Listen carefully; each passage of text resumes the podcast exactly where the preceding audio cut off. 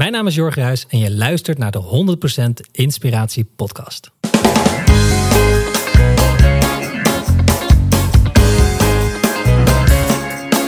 Hey, wat goed dat je luistert. Hij staat weer voor je klaar.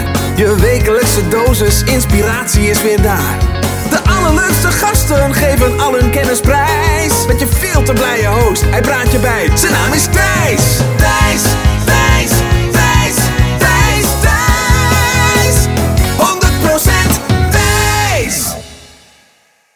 100% Thijs. Ja, hij is nog steeds eh, lekker, eh, lekker, die intro jingle van mij. Misschien komt er ooit een nieuwe, maar tot nu toe geniet ik nog eh, van deze. Ik hoop jij ook. En eh, laat ik van deze gelegenheid maar gebruik maken om de gast te introduceren. En dat is Jorg Ruis. Nou, waar kan je Jorg van kennen? Waarschijnlijk van zijn vlog. Eh, zijn vlog heet ook gewoon Jorg Ruis. Dat is heel makkelijk. Wellicht ken je hem als de man van Sunny Zoekt eh, Geluk. Sunny Verhoeven. Ehm, zijn bedrijf Culture Builders. Dat gaat over hoe bouw je nu een succesvolle cultuur binnen je bedrijf. En in dit interview zijn dat ook de onderwerpen die we gaan aansnijden. Het is vooral een tof, energiek, inspirerend gesprek tussen twee boys. Ehm, en om je een sneak preview te geven, we gaan het hebben over de online zichtbaarheid. Hè? Hoe, hoe komt het nou dat je vaak de neiging hebt om jezelf professioneler neer te zetten dan dat je werkelijk bent. En eh, wat maken dat heel spannend is om gewoon kwetsbaar en puur te zijn. We gaan het ook lekker hebben over zweethutten. Uh, we maken spirituele wijsheden, die maken we praktisch. Uh, hoe belangrijk het is om in je werk gelukkig te zijn. En uh, nou, een hele hoop thema's omtrent persoonlijke groei stippen we aan. Zoals, is het nu juist belangrijk voor je groei om nog meer te gaan doen, nog meer doelen te stellen? Of is het juist relevanter voor jouw eigen groei om gewoon meer los te laten? Nou, daar ga je hopelijk in het interview wat inspirerende dingen over leren. Hier is Jorg Ruis. 100% Thijs. We gaan, uh, we gaan beginnen. Ja. Jorg, Jorg Ruis, zit tegenover mij voor de YouTube-kijker uh, ja, op mijn kantoor in Amersfoort. En, en we hebben, ja, jij bent natuurlijk vlogger, jouw uh, vrouw is vlogger. Uh, Sanny Verhoeven. En uh, daarom dacht ik, nou, dan moet het nu wel iets professioneler. Dus ik heb wat lampjes neergezet. En uh, dus check interview ook op. We hebben een plant erbij getrokken. We hebben wat boeken neergezet. wat, wat, wat promotie voor mijn show staat ook nog op tafel. En nou, we doken net al een intiem gesprek in over Instagram en groepies ja. en kwetsbaarheid. en hoe ga je daarmee om? Ja. Wie weet gaan we het daar nog over hebben. Ja, Wie weet niet. Dat is spannend voor de luisteraar. Maar we beginnen gewoon bij ja, Jorg, wat wil jij worden als je later groot bent? Um, dat is mooi, hè? als je klein bent, dan, dan uh, denk ik. Er was een fase in mijn leven dat ik stofferinkoper wilde worden. En dat ik over de hele wereld reisde en dat ik dat zou verkopen weer aan Italiaanse modehuizen. Dat was ik denk toen ik 16 was. Ja. Nou, ik ben nooit die kant op gegaan. En nu zou ik eigenlijk wel heel graag, uh, ik weet niet of dat een beroep is, maar gewoon in een bos wonen, zo'n survivalist. Dat vind ik vet. Dat je in een bos woont en dat je gewoon al je shit zelf moet doen. Ik heb het een week gedaan in Noorwegen en dat is wel echt ja, het is gewoon heel kicken. Dat je gewoon zelf je ja. eten vangen en uh, ja. En als, als die week, als dat jouw leven zou zijn, dat je dus uh, daar echt woont en je hebt je eigen moestuintje en alles, denk je van, nou, dat, ik zie mezelf, hè, niet dat je het gaat doen, maar misschien ga je het wel doen, I don't know, maar dan heb je zoiets van, nou, ik zie mezelf ook wel echt gelukkig zijn dan, ook op de lange termijn. Nou, wat, je, wat ik daar miste in Noorwegen, ik zat daar met een klein groepje mensen, maar je hebt wel een sociaal netwerk, is wel fijn. Weet je, ja. dat is wel waar je ja, gelukkig ja, van wordt. Dus, uh, dus je zou altijd nog wel een beetje contact willen houden met de buitenwereld, zeg maar. En niet dat je echt ergens in een, in een gedeelte zit waar, waar je nooit meer iemand tegenkomt. Mhm. Mm -hmm.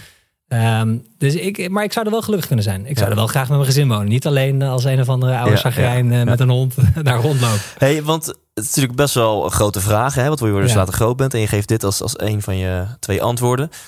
Wat maakte dat jij die week daar in Noorwegen, dat dat dus nu in je oppopt? Dat is wel een teken dat dat veel indruk op jou heeft gemaakt. Wat vond je zo fantastisch aan een week in de natuur? Ja, wat, wat, wat ik uh, dan weer... En ik romantiseer dat ook een beetje, weet je wel. Ik ben toch uh, zo'n klein jochie nog die dan naar actiefilms kijkt. En dan Jason Bourne, weet je wel. Dan is zo'n scène in een van die Bourne-films...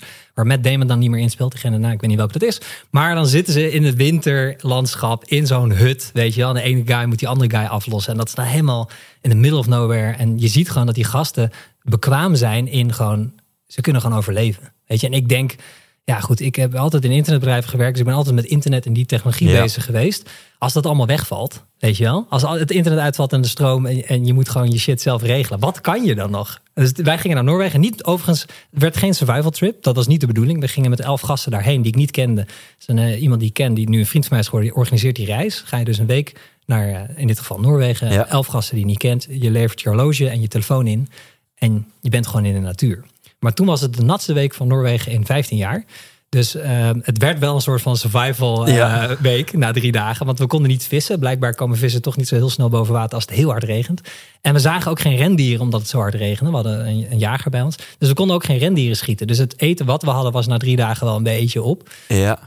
Ja, en, en ik vond dat aan de ene kant wel heel heftig. Aan de andere kant vond ik het ook heel gaaf. Dat ik dacht, wauw, weet je, nu ben je, hè? hoe maak je vuur in de regen? Als het Ja. de hele tijd regent, hoe maak je vuur? Weet je wel? En dan, ja, daar, daar kom je dan gewoon achter. Nou, we hadden dus die jager bij ons die heel veel wist. Dat, ik vond dat zo mooi. Dat ik dacht, ja, dit zou ik wel vaker willen doen. hoe ging het met jouw emotionele huishouding in die week? Ik kan me namelijk zo voorstellen dat je in het begin door een diep dal gaat. Ja. eh, en maar dat je na een tijdje dan ineens dat misschien wel de, de, de, gewoon het, het, het, het interne geluksgevoel gewoon uit het niets komt of zo. Maar dit is een hypothese. Hoe, hoe was dat? Ja, grappig. Je beschrijft het denk ik wel heel goed. Ik, ik deed die reis ook om mezelf even goed tegen te komen. Nou, dat was binnen 24 uur gelukt. Hoe, Ja. hoe, hoe was dat? Jezelf Nou ja, goed, tegenkomen? het mooie was, ehm, degene die de reis organiseerde, die deed nog ook nog iets moois. Dat was een eh, zweethut. Heb je dat wel eens gedaan? Eh, Nee, ik word vaak ervoor uitgenodigd. Ja. Ik vind het nog een beetje eng. Oh ja? Ja. Wat is er zo eng aan? Nou, ja, even voor, voor de luister. Jij weet beter wat het is dan ik, want ik heb alleen maar van Oh verhalen gehoord. maar Maar, even- maar ja, ja. ja, leg jij eerst maar even uit. En dan zeg ik waarom ik het eng vind. Ja, ik heb twee keer gedaan, dus ik ben geen expert. Maar eh, ze, ze graven dus enigszins een kuil en dan maken ze met een eh, eh, eh, takken een eh, soort geraamte, een soort iglo. Met doeken, hele dikke doeken eroverheen, zodat het helemaal donker is van binnen. En dan eh, graven ze een geul en dan hebben ze voor die iglo hebben ze een kuil met eh, stenen. En dan wordt een eh fikje gestookt, zo heet dat die stenen roodgloeiend eh, worden. En die worden met een riek elke keer naar binnen gebracht. Dus het wordt een soort sauna. En er zijn rondes, dus er wordt eerst één of twee stenen naar binnen gebracht. En dan zit je daar, je zit je in je naki met dus elf gasten die je niet Ja, in een soort van kleine in een tipi-tent heel met klein z'n typie. Het is heel. Ja, ongemakkelijk ja, al, want je kan je been niet strekken. Je krijgt kramp en je zit dan zo tegen, naakt tegen een andere gast. Dat je denkt, ja, ik ken jou net vijf minuten. Mhm. Pak is dit. En het, het komt dus vanuit de Indianenstammen. Eh, dus er worden Indiaanse liederen ge- gezongen. En het heeft te maken met dat je, wat me is bijgebleven, dat je, eh, je doet een aantal rondes en je, je, je kan daar eigenlijk gewoon dingen kwijt. Het is een soort spirituele reis. Je kan ook vragen stellen, je kan mensen vergeven, je kan contact maken met je voorouder. Nou, dit klinkt allemaal super wollig, maar als je daarin zit, het doet wel wat met je. Het meest op het basale niveau was het, ehm, ik had toen de tijd moeite met grenzen aangeven. En Nog steeds vind ik dat, ben ik altijd in, in lerende.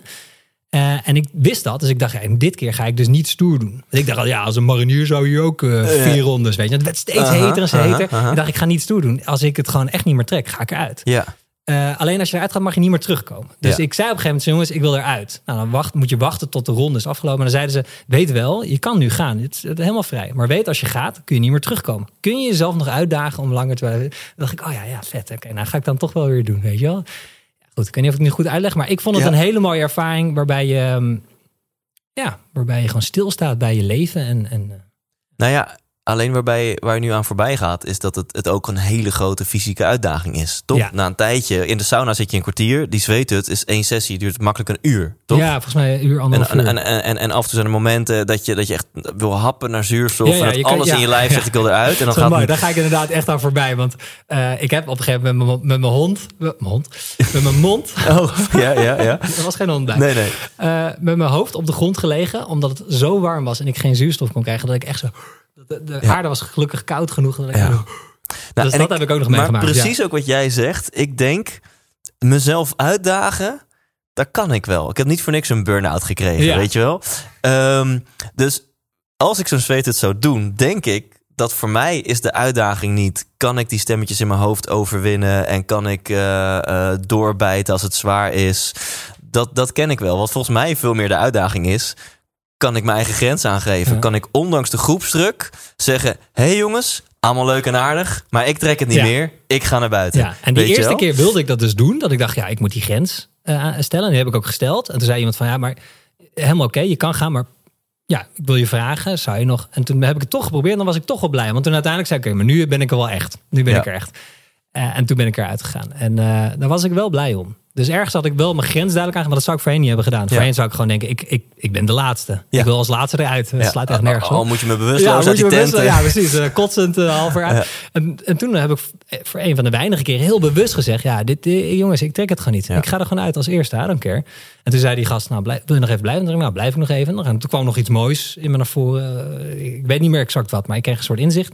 En toen dacht ik, oké, bij de volgende ronde ga ik er nu echt uit. Hey, en wat maakt dan dat een gewone sauna in principe niet per se een spirituele tocht is. En dat je in die zweethut, weet je, als mensen dit nu horen, denken ze, hè, maar waar komt dat gedeelte dan dat je ineens mensen kan vergeven en, en spirituele inzichten opdoet? Hoe, hoe, hoe, hoe werkt dat? Nou, het begint met ehm, eh, dat, er, eh, dat er geen input is. Het is helemaal donker. De enige input is geluid, maar je ziet niks. Je hebt ook geen oriëntatie. Je zit daar, je, je voelt dat je tegen mensen aan zit. Dus je hebt ook geen bewegingsruimte. Ehm, dus je wordt, wat dat betreft, je kom je in een soort van eh, meditatieve of hypnotische staat, zeg maar. En dan wordt de hele tijd eenzelfde nummer gezongen. En van een Indiaans lied, wat ik niet kan meezingen. Maar je, Ja. weet je, op een gegeven moment, hum, hum, hum, weet je, dus je, je komt in zo'n staat, weet je. En dan op een gegeven moment, het wordt wel geleid. Hè? Dus er is iemand die dat leidt. Ja, ja. En die, ehm, ja, die, die, die, die, gebruikt dan een paar Indiaanse termen om, om, om, om eh, voorvaderen op te roepen. En nou, dan nodigt hij je uit van, hè, dus een ronde van, is er iemand die hier iets wil zeggen over vergeving? Of is er iemand die iemand hier wil vergeven? Of is er iemand die, weet je wel, dan, nou goed, ik, ik kan het niet helemaal meer na eh, eh, goed uitleggen hoe het exact gaat. Maar het wordt wel ge- gefaciliteerd, waardoor je, ehm, waardoor je diep naar binnen gaat. En waardoor er dingen oppoppen, omdat je ook al gewoon niks ziet, weet je wel. Dus dit is helemaal gewoon, je hebt daar geen input op. Dus Ja. je wordt gedwongen om toch Ja. wel een beetje naar binnen te gaan. Want Ja. er is geen input meer van buitenaf. Dus je zit gewoon een beetje in jezelf, weet je. En dan komen gewoon dingen naar boven borrelen. Weet je wel, de een eh, die gaat keihard janken en die gooit er iets uit. En de ander zegt gewoon, ja, eh, ik wil gewoon mijn vader vergeven. Want ik heb gewoon altijd, Ja. weet je, dit gedaan. Maar Ja. ik vergeef hem, ik snap het. Hij is een oude man. Het is goed zo, weet je. Het Dus je kan het in principe op spiritueel niveau misschien vergelijken met een paddo-ceremonie of een ayahuasca, maar dan zonder de drugs. Ja, en dan wel iets meer low level. Ja. Ja, Ja, maar die temperatuur en, en dat er geen input is qua eh, beeld, zorgt er wel voor dat je die kant op wordt geduwd. Het is wel Ja. echt heet. Het is echt, ik hou heel erg van sauna, maar dit is wel echt next level. Ja, dus je ik- echt elke keer, ik, ik, ik kan mijn huid niet zien, maar ik heb een paar keer gedacht, dat ik, ja, volgens mij borrelt mijn huid, weet je wel. Dit, is zo heet. Sinds ik van dit bestaan af weet en ik ga heel vaak naar de sauna, vind ik het leuk om in de sauna op het moment dat echt mijn hele lijf zegt je moet er nu uit, om dan nog even Ja, mezelf uit te dagen. Oké, maar dit is maar een stemmetje. In principe kan ik dit fysiek aan. ja. Dus dan, dan vind ik het wel leuk om even die, die mentale wedstrijd aan te gaan. Van kan ik nu die stemmetjes, kan ik die nu laten bedaren? En kan ik Ja. nog een minuut uitzitten? En na die minuut kan ik nog tien keer rustig ademhalen. En dat, Ja. Op zich is het wel cool dat je dan na een tijdje nog vijf minuten langer erin zit. En, en eigenlijk helemaal oké bent. Terwijl je vijf minuten geleden dacht, ik zit aan mijn tax en ik... Ja. eh, Ja. ehm, maar goed, Dit, is- dit is wat ze bij de mariniers en, en, en dat soort groepen leren. Hè? Van ja, als je lichaam zegt, ah, ik kan niet meer, dan kun je waarschijnlijk nog 20% meer. Dat vind ik ook tof van, van mediteren. En, en daarna gaan we terug naar jouw natuurverhaal en Ja, ja. alles. Want dat is alweer een mooi zijweggetje. I love it. Ehm eh, Mark Siegbeek van Heukelom, die heb ik ook geïnterviewd. En die, die, die, eh, ik vond mediteren al belangrijk om te doen. Eh, maar hij wist me nog meer te motiveren. Hij zegt mediteren is ook gewoon... je traint je, je, je vermogen om je te focussen. Om ondanks andere prikkels, om je te focussen op één ding. En dat is gewoon een hele waardevolle skill... eh, spier, metaforisch gezien, om te trainen. Want die Ja. heb je ook gewoon de hele dag nodig. Ja. Dan dacht ik, wow, wat waardevol. En een koude douche, dat doe ik nu al twee, drie jaar elke, elke dag. Eh, is ook het vermogen van, hey, want elk, ik doe het al drie jaar elke dag, maar nog steeds elke ochtend als ik eronder stap, dan zegt alles in mijn lijf, weg hier, weg ja. hier. Ja, ja, ja. En ik ben me zo bewust elke ochtend van het feit dat ik dus mijn vermogen aan het trainen ben om die stemmetjes te overrulen. En dan, ja. weet je, die ontspanning op te zoeken. Dat vind ik heel tof. En ehm, grappig, wij doen heel veel dezelfde dingen, merk ik. Ik doe ook dat koude douchen. Ehm, maar het mediteren schiet er nu bij mij in, bij in. En allemaal excuses. Hè? Maar op een of andere manier maak ik er dus geen tijd Ja. voor. Nou, ik heb twee baby's, dus op zich eh, eh, is dat nog redelijk goed Is- is het excuus. te begrijpen, Is het te ja. begrijpen. Maar eh, er was een keer een seminar, er stond een dame. Het was een seminar over meditatie. Er stond een dame on stage en zei, ja, weet je, wie mediteert hier? Nou, natuurlijk iedereen armen mag. En zei, hou of je armen mag. Wie mediteert hier elke dag? En dan gingen bijna alle armen Ja, naar beneden. wie heeft de afgelopen 24 uur Ja, gemediteerd? ja, die is en nog ja, denk ik. ja. En, en hoe, hoe zit het bij jou? Red je dat? Nee, nee, nee. Dus ik, ik speel nu veel roomser dan de pauze. Ik denk dat het me... Als je de Wim Hof ademhaalmethode meerekent... wat Ja. mijn speedversie van mediteren is... dan kan ik echt in 5 à 10 minuten... zit ik echt in een hele fijne, chille, rustige staat. Eh, als je dat meerekent, lukt het me twee, drie keer per week. Hm. Als je dat niet meerekent, eh, één keer per maand. Ja, maar dat vind ik. Dat, en dan nog ben je blij. En dan nog is het goed voor je. En weet ik dat het een mega positieve impact op me zou hebben als ik het elke dag zou doen. En Ja. ik heb geen twee kids. Dus ik, ik, geen ik, ik, ik heb geen excuus. Ja. Ja. Nee, maar vind ik wel. dus ik heb heel vaak. Ik in het begin dacht ik, ik moet dit elke dag doen. En nu denk ik, ja, ik ben wel blij als ik er gewoon. Weet je, ook ochtendritueel heb ik vijf dingen of zo, of drie dingen. En dan denk ik, ik ben al blij als ik er één haal. En dan is het ook gewoon goed. Ja. Weet je, en soms zie ik mensen naar content kijken of luisteren. En denken ze, oh ja, dat ga ik ook doen. En dan vinden ze van zichzelf dat ze elke dag dan moeten mediteren. Maar dan leg je die lat zo hoog.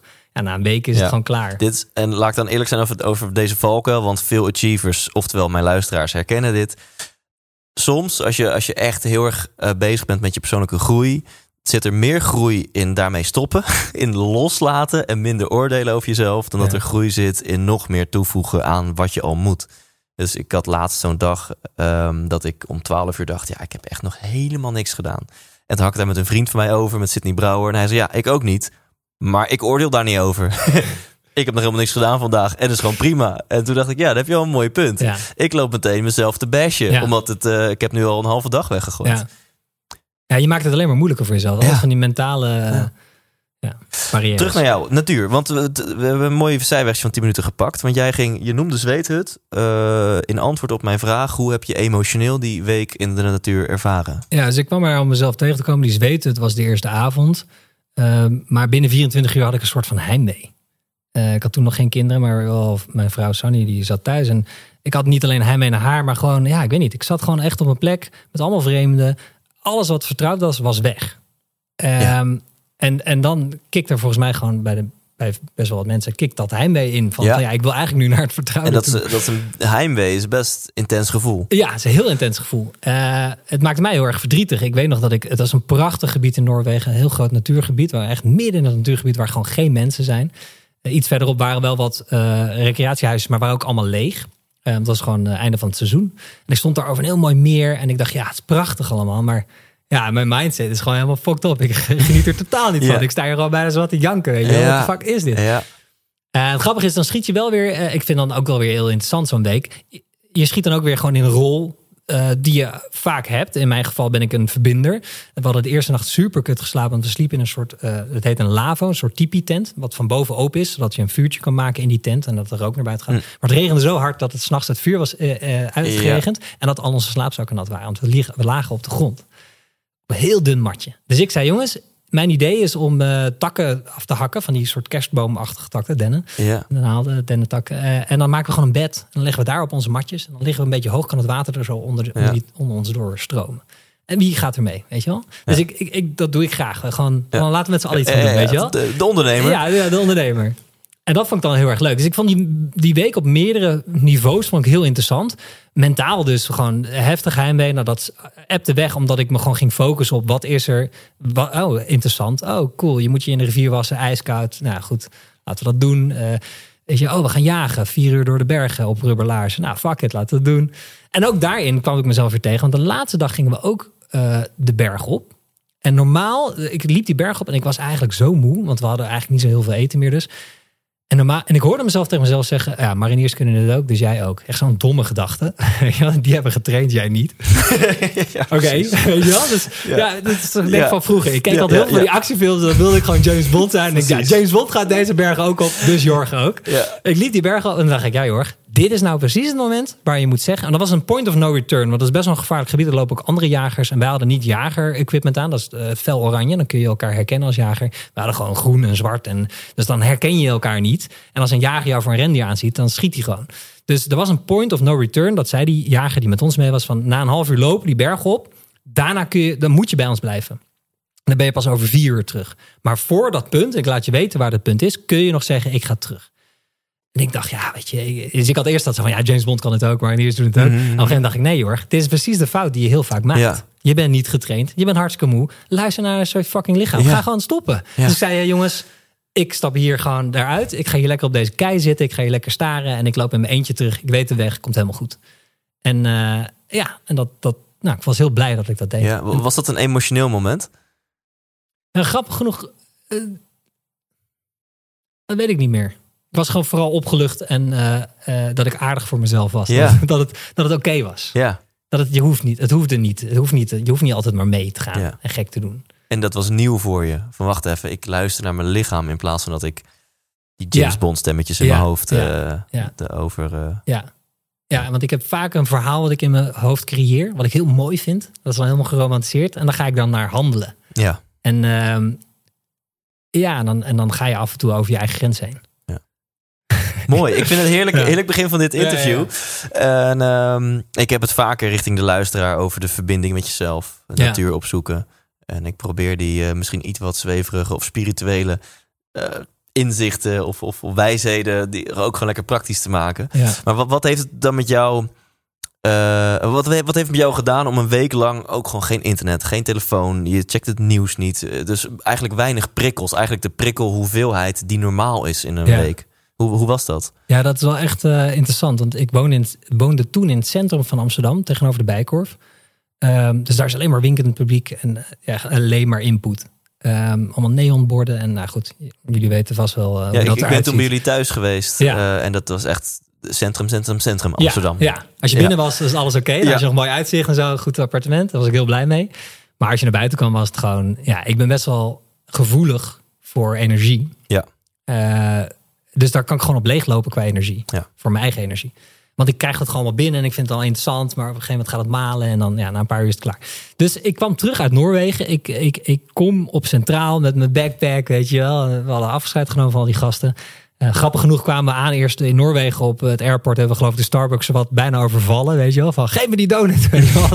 Oké, oké. Dat dan weer wel. Vis en zo. Ja, precies. Ja, gelijk gezondigd. Ja, precies. Gelijk je, je, je je sugar. reptiele brein, wat gewoon vet, zoet en zout wil, dat werkt nog prima. Niet normaal. Er waren mensen in die bus op weg naar het airport al zeggen: Oh, ik ga bij de Starbucks dit halen en dat halen. Het ging echt nergens over. Ondertussen wel nootjes eten, maar je Oh, ja. had wel echt zin in suiker. Dus dat Ja. hebben we wel even goed gedaan. Maar wat mij heel erg opviel: ik kom op, aan op Centraal, pak mijn fiets, ik rij naar huis. En voor me wordt een vrouw afgesneden door een taxichauffeur. En ik voelde beide hun energie. Die taxichauffeur, ah, dat is niet te zeiken. En die vrouw, godverdamme, die zat ook letterlijk te schelden. Dus dat hoorde je ook. Maar je voelde, je voelde al die prikkels, voelde je zo. woef. Want ik was helemaal chill. Ik kwam helemaal Ja. geaard terug.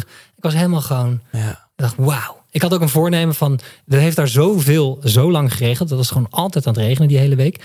Dat ik zei, als ik ooit nog in Amsterdam fiets en het regent en ik ga zeuren, Ja. dan denk ik terug aan dat. is niks. Mooi. Ik wil nooit meer zeuren Ja, voor ja, op regen. dat doe ik eigenlijk ook bijna nooit.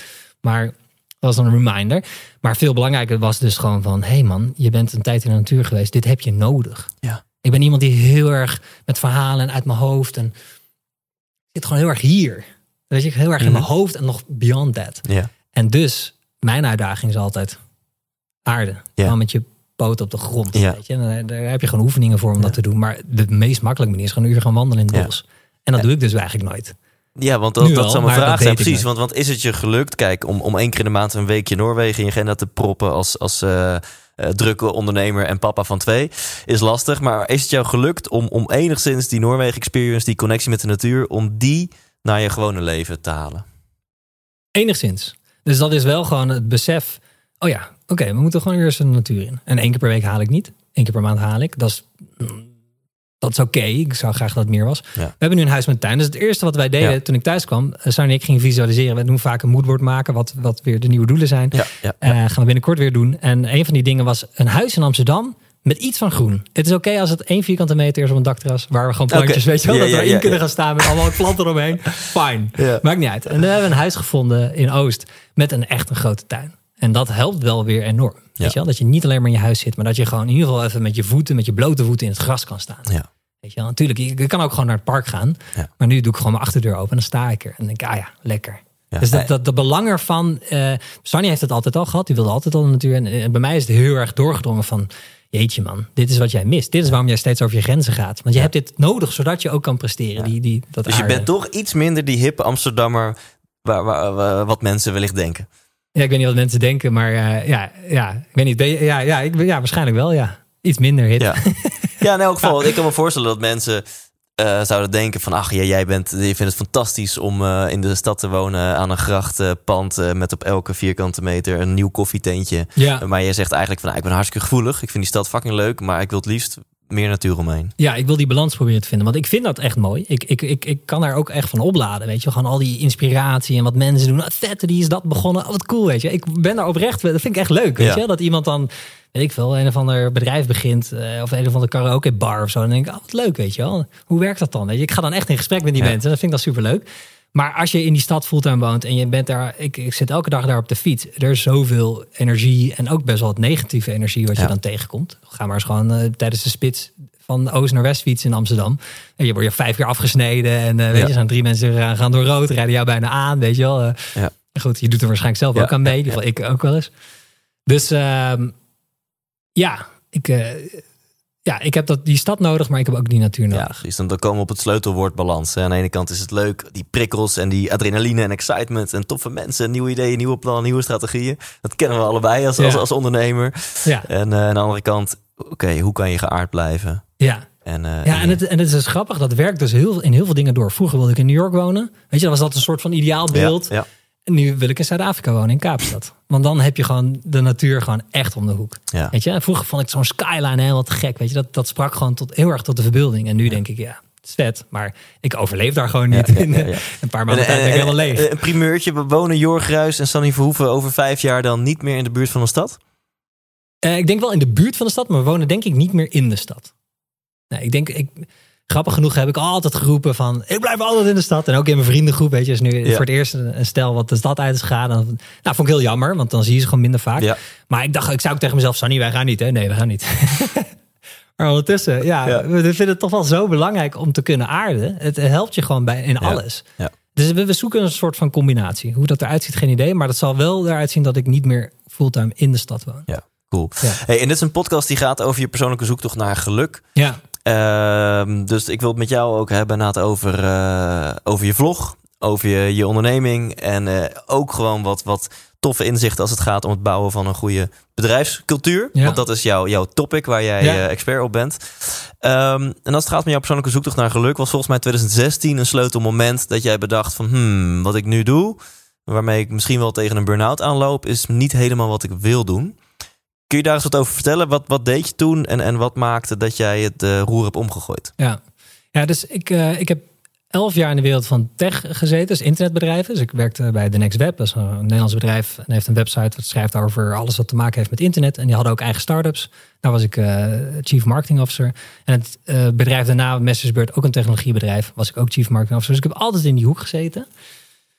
Ehm, en het is niet zo dat het werk ervoor zorgde dat ik een burn-out kreeg, maar ik, ik, ik, ga- ik ga er al gewoon altijd voor. Ik ben een soort van ondernemer.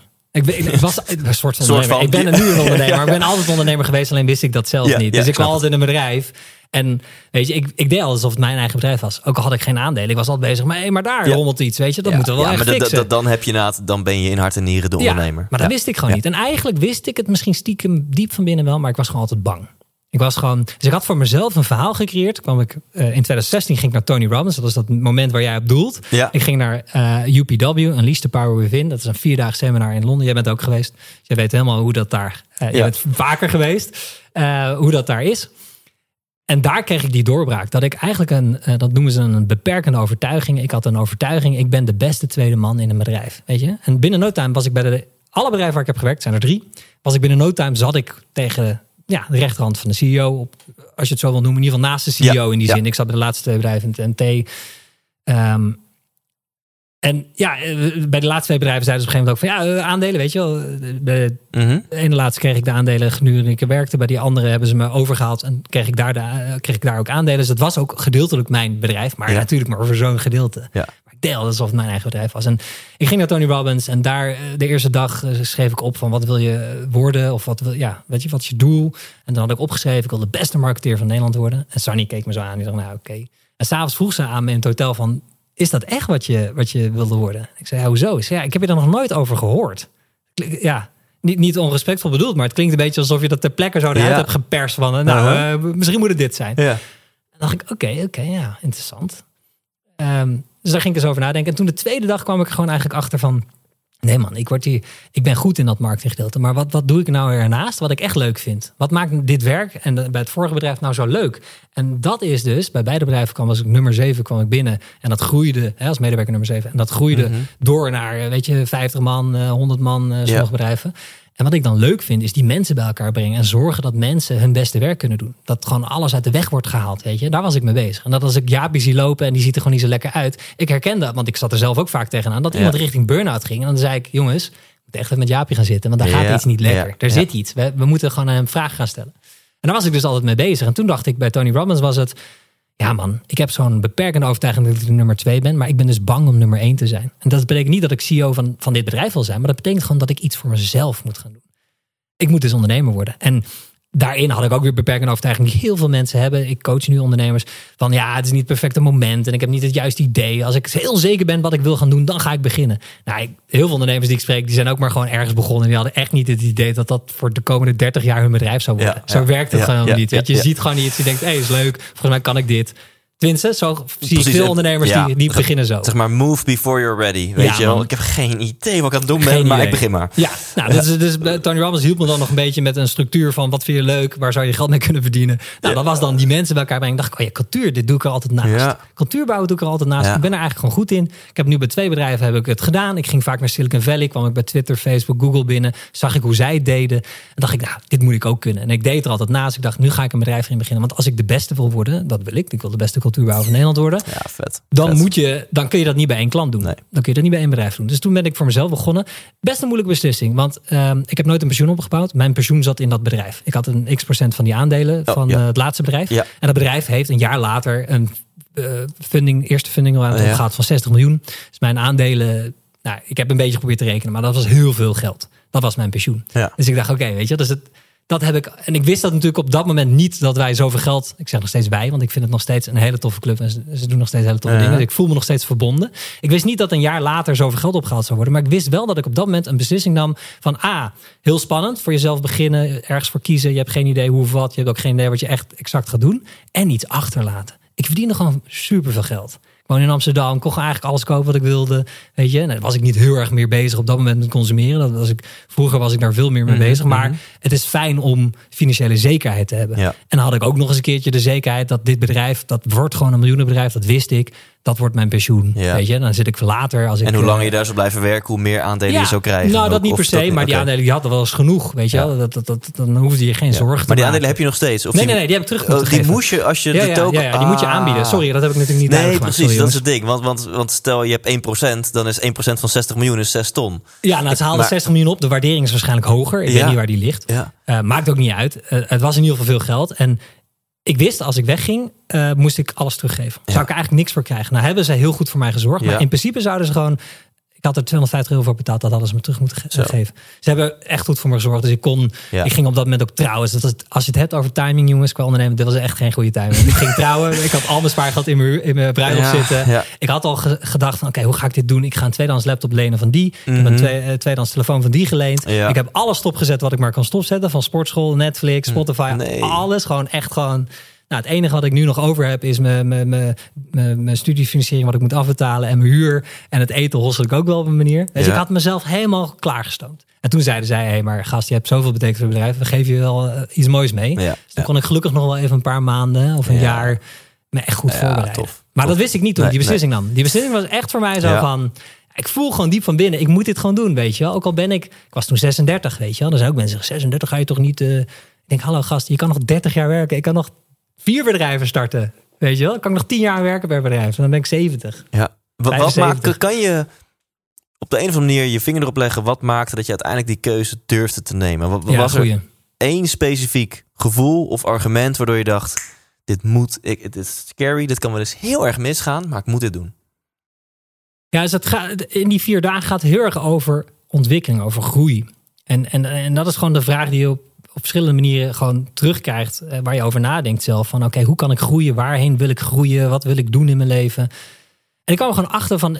Diep van binnen voel ik gewoon, het was superleuk werk. Echt een toffe club mensen. Voelde echt als familie. Dat maakt het ook zwaar om die beslissing te nemen voor mezelf te beginnen. Maar het voelde gewoon niet goed. En ik kon daar de vinger niet op leggen. Maar het voelde gewoon van, dit is het Mhm, toch niet. mhm. Je hebt voor jezelf een heel mooi verhaal eh, gecreëerd... waardoor je denkt dat dit het is. Maar dit is het niet. Ja. Het is dat andere ding. En dat Ja. andere ding is kiezen voor iets Ja. wat jij wil. Ja. Waar jij aan wil bouwen. Want ik bouw aan iemand anders droom. Maar wat is nou je eigen droom? Maar ik wist dus op dat moment ook nog steeds niet mijn eigen droom. Dus ik dacht, waar ben ik goed in? Nou, dat is die mensen bij elkaar brengen. Nou, dat is cultuur. Daar ben ik goed in. Dat vind ik leuk. Nou, laat ik een bedrijf beginnen. In cultuur bouwen. Dan wordt dat mijn ding. Ik, er zijn nog heel veel andere dingen nee, die ik wil doen. maar dat, is, dat is waar Ja. ik begin. Nou, ik vind het perfect antwoord. Die vier dagen, daarmee bedoel je dat seminar, Unleash Ja. the Power Within. En ik zei net al tegen jou, ja, ik ben er zeven jaar op rij elk jaar geweest. En veel mensen verklaren me voor gek. Maar dit is precies de reden dat ik hier elk jaar heen ben geweest, voor jarenlang. Omdat het vier dagen is van ultieme reflectie. Vier dagen lang, 100%. Waar ben ik mee bezig? Afgelopen jaar, wat gaat lekker? Wat gaat niet lekker? Wat voelt wel goed? Wat voelt niet goed? En van daaruit, welke plannen kan ik dan maken Ja. voor het komende jaar? En voor de luisteraar of kijker, je intuïtie is vaak goed. Je intuïtie heeft het juist, geloof me maar. Alleen moet je je intuïtie wel even kunnen voelen. Je kan je hart pas volgen als je je hart voelt. En, en, en daarvoor, ja, jij zegt gewoon, je geeft eigenlijk die vier dagen de credits. Tuurlijk kan je alleen maar jezelf de credits geven, maar door die vier dagen Ja. van, van even geen prikkels, eventjes niet die red race, door die, en, en even de verbinding met mezelf op te zoeken. Daar is eigenlijk de helderheid ontstaan en was de keuze misschien wel relatief gemakkelijk. Ja, ja, ja en dat, nou, je raakt hier iets heel wezenlijks. Want in Noorwegen had dit ook kunnen gebeuren. Maar daar, daar, daar, daar was het veel vrijer. Dus dan kon alles tot je komen. Er zijn andere dingen tot me gekomen. Wat meer ging over die grenzen. En bij Tony Robbins was het meer natuurlijk op groeien. Wat wil je nou in je leven? Waar wil je zijn? Wat is je ideale leven? Hoe ziet het eruit? En dan kwam ik dus hierop. Maar nu besef ik me hoe belangrijk dat is en hoe weinig mensen dat doen. Een moment voor jezelf creëren. En dat kan door middel van Tony Robbins of naar Noorwegen te gaan. Waarbij je stilstaat en even voelt. En jezelf afvraagt. Wil ik deze relatie nog wel? Wil ik dit werk nog wel? Vind ik nog dit leuk? Weet je, Ten- eh, Steve Jobs, als het gaat over cultuur, hij is echt een klootzak geweest qua mensen. Dus dat is geen voorbeeld. Maar er is één ding wat hij in zijn ochtendritueel had waarvan ik dacht, oh ja, dat is wel een hele goeie. Hij ging gewoon elke ochtend als hij opstond, kwam hij de badkamer in, keek in de spiegel en zei hij tegen zichzelf, wat ik vandaag ga doen, vind ik dat eigenlijk wel leuk. En als je dan nee zei, dan was het voor die dag oké. Maar als hij meerdere dagen Ja. of meerdere weken achter elkaar nee zei, dan wist hij, something's got to change. Ik moet Ja. iets gaan veranderen. En ik denk dat als je, dit, als je op dit stadium bent aangekomen, dan wordt je leven zoveel mooier. Ja. Want ook ik kan na twee jaar zeggen, hey, dit culture, vind ik dit eigenlijk nog wel leuk. Misschien wil ik wel iets anders doen.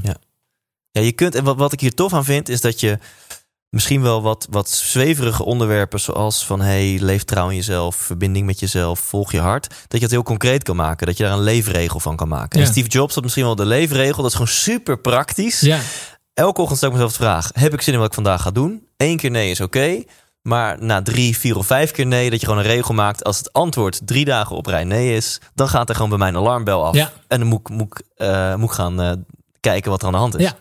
En, en het mooie is dat ik dus, dat- dit is, als ik een bruggetje wil maken naar het werk wat ik nu doe, dit is wel een van de redenen waarom ik in die cultuurhoek ben gestapt. Dus het kwam niet uit het niets. Ik heb altijd al gehoopt dat ik op een werkplek zou komen waar het beste in je naar boven haalt. En ik, heb, ik, heb, ik vind het altijd zonde als mensen zeggen, oh, het is weer maandag. Kijk, ik zeg na een weekend Lowlands, zeg ik ook, oh, het is weer maandag. Weet je ik, fuck, er moet weer wat gebeuren. Ja, En ik, ben, ik lig wel echt in de, in de ik lig- kreukels. ik lig eraf, ja, ik ja. lig eraf. Maar als jij weken achter elkaar op maandag denkt, fuck, het is weer maandag. Dan is het tijd om iets te veranderen. En dat is waar wij eh, bedrijven bij helpen. Om ervoor te zorgen dat mensen met plezier naar hun werk gaan. Maar dan doen ze hun beste werk. Als je gelukkig op werk bent, dan ben je 12% productief. Er zijn heel veel mooie onderzoeken awesome. over. Maar dat is bijvoorbeeld eentje Nou. die ik altijd aanhaal. 12% productiever. Weet je, het is gewoon leuker voor iedereen. En het bedrijf gaat beter. En jij zit beter op je plek. En, en, en ja, dus die reflectiemomenten zijn heel belangrijk. la- laten we daarin gaan duiken. Want nog even samengevat, jij merkte keer op keer... ik kom bij een, een, een scale-up te werken...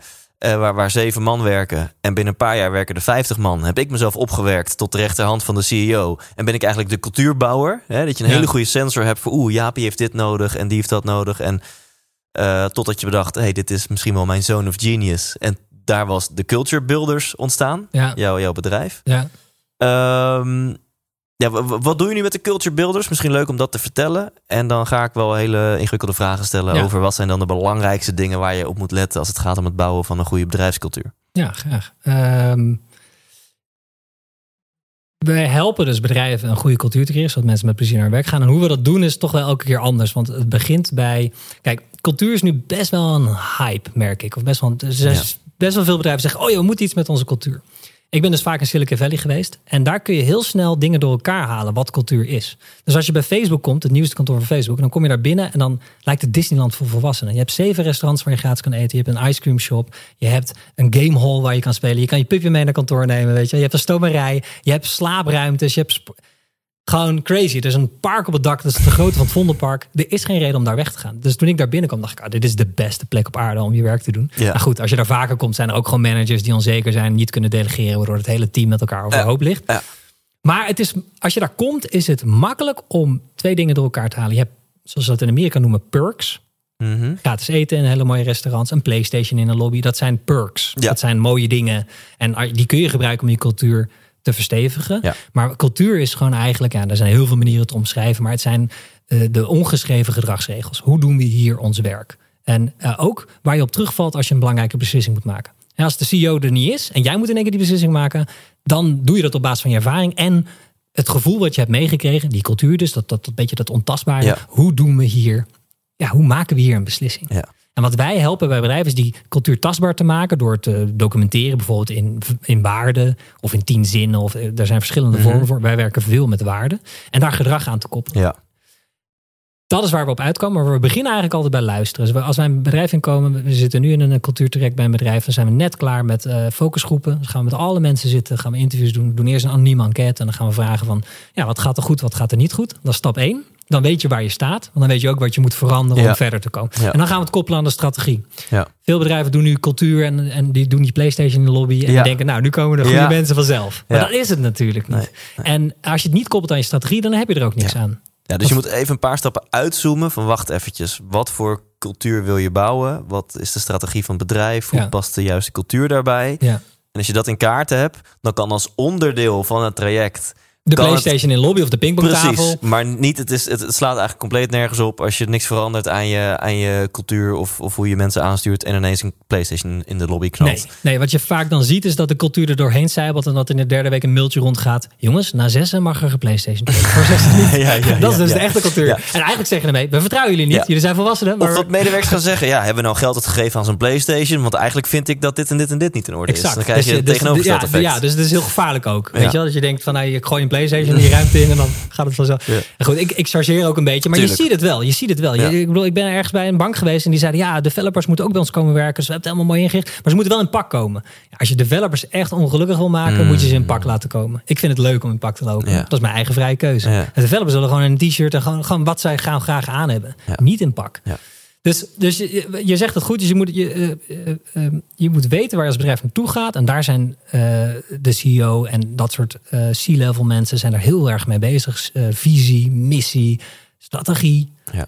Maar wat ze dan vaak toch nog te weinig doen, is de cultuur daar aan vast verbinden. Want je kan hele mooie plannen maken, een visie.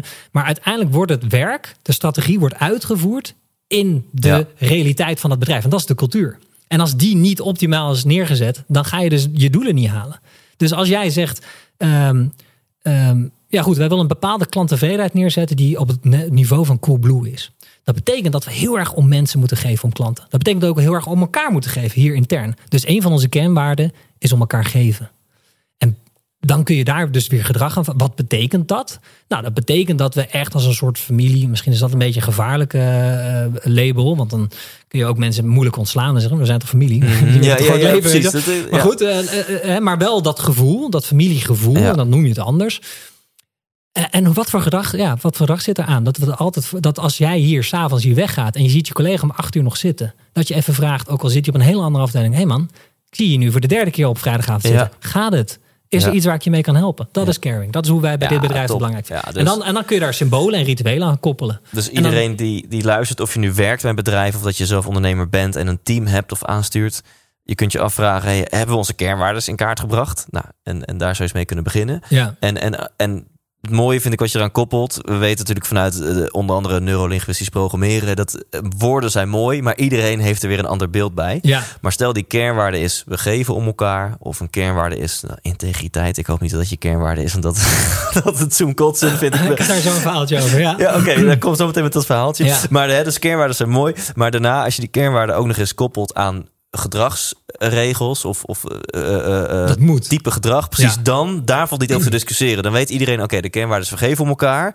En dat houdt niet in dat je elkaar op de bek pakt als je het kantoor binnenkomt Juist. lopen. Maar dat houdt wel in dat je als iemand drie avonden op rij overwerkt, dat je even diegene aanspreekt van hé, gaat het wel goed Ja, met je? ja kan ik iets doen? Ja. Ja. Ja, dat is e- extreem belangrijk. Want dan, wordt het, dan snappen mensen hoe dit eruit ziet op dinsdagmiddag. En 80% van de bedrijven heeft kernwaarden. Het probleem is, niemand leeft ze. Weet je, ze hebben een mooi in de Ja. lobby. Dit is wat, ja, precies. eh, integriteit. Weet je, nou, dit is Ja, het jij kom op. Ja, ja. Mag we? Ja? Ja, ja, ja, mensen die integriteit dus eh, in Ja, hun kernwaardes hebben staan, ja, die nou zitten ja. op het puntje van de stoel. Ja, dus eh, als je kijkt naar de 50 grootste banken in de wereld, Ja. dan heeft 35 van die banken hebben integriteit als kernwaarde. Als wij dan kijken als consument naar de laatste 10 jaar hoe het hier in Nederland is gegaan, en je vraagt op straat wat zijn kernwaarden van een bank, dan denk ik dat integriteit niet, misschien wel niet genoemd wordt. ja. Weet je? Wauw, alleen, alleen, en je, volgens mij- en, en je voel je vrij om nog verder door te gaan. Maar alleen al dit, gewoon, het enige wat jij nu doet, is je noemt de feiten op. Ja, Eh, Iedereen voelt al als je zegt, hey, van de 50 grootste banken ter wereld hebben 35 integriteit in hun kernwaarden staan. Die, ik voel me gewoon binnenkomen van Ja. holy fuck, wat is het voor... ja. Dit is een bullshit. je, wat een Ja, bullshit. Ja. En wees dan eerlijk. Zeg dan, luister, in deze bank waar het om draait... is zoveel mogelijk geld maken voor onze klanten. En daarom vinden we deze waarde belangrijk. En dan krijg je de type mensen die je nodig hebt. Ja. krijg je allemaal haaien. Ik bedoel, er is geen slechte of goede... Nou goed, dus vanuit ethisch oogpunt zijn er zeker slechte culturen. Maar de juiste cultuur is de cultuur die jou helpt... je Ja. strategie eh, uit te voeren en je doelen te behalen. Ja. Dus als jij zegt, we moeten gewoon allemaal gasten hebben... die alleen maar voor zichzelf gaan en Ja. zoveel mogelijk eh, sales binnenhalen... Sure, Ja. fine. Het is niet de cultuur die ik wil creëren en dan werk ik niet met je. Maar goed, ja, maar dan moet je eerlijk zijn. Moet je zeggen, luister, het gaat niet om integriteit. Nee, wat nog veel belangrijker hier is gewoon maximale, weet ik veel. Nou, goed, ik weet niet even niet hoe ik dit zou in een waarde zou vatten. Backstabbing. Ja, nou, een goede vriend van mij, Arjen Bannach, die is, die is ook spreker op het gebied van onder andere organisatiecultuur. En die haalt Ja. dan in zijn keynotes een voorbeeld aan van een eh, grote Nederlandse bouwer.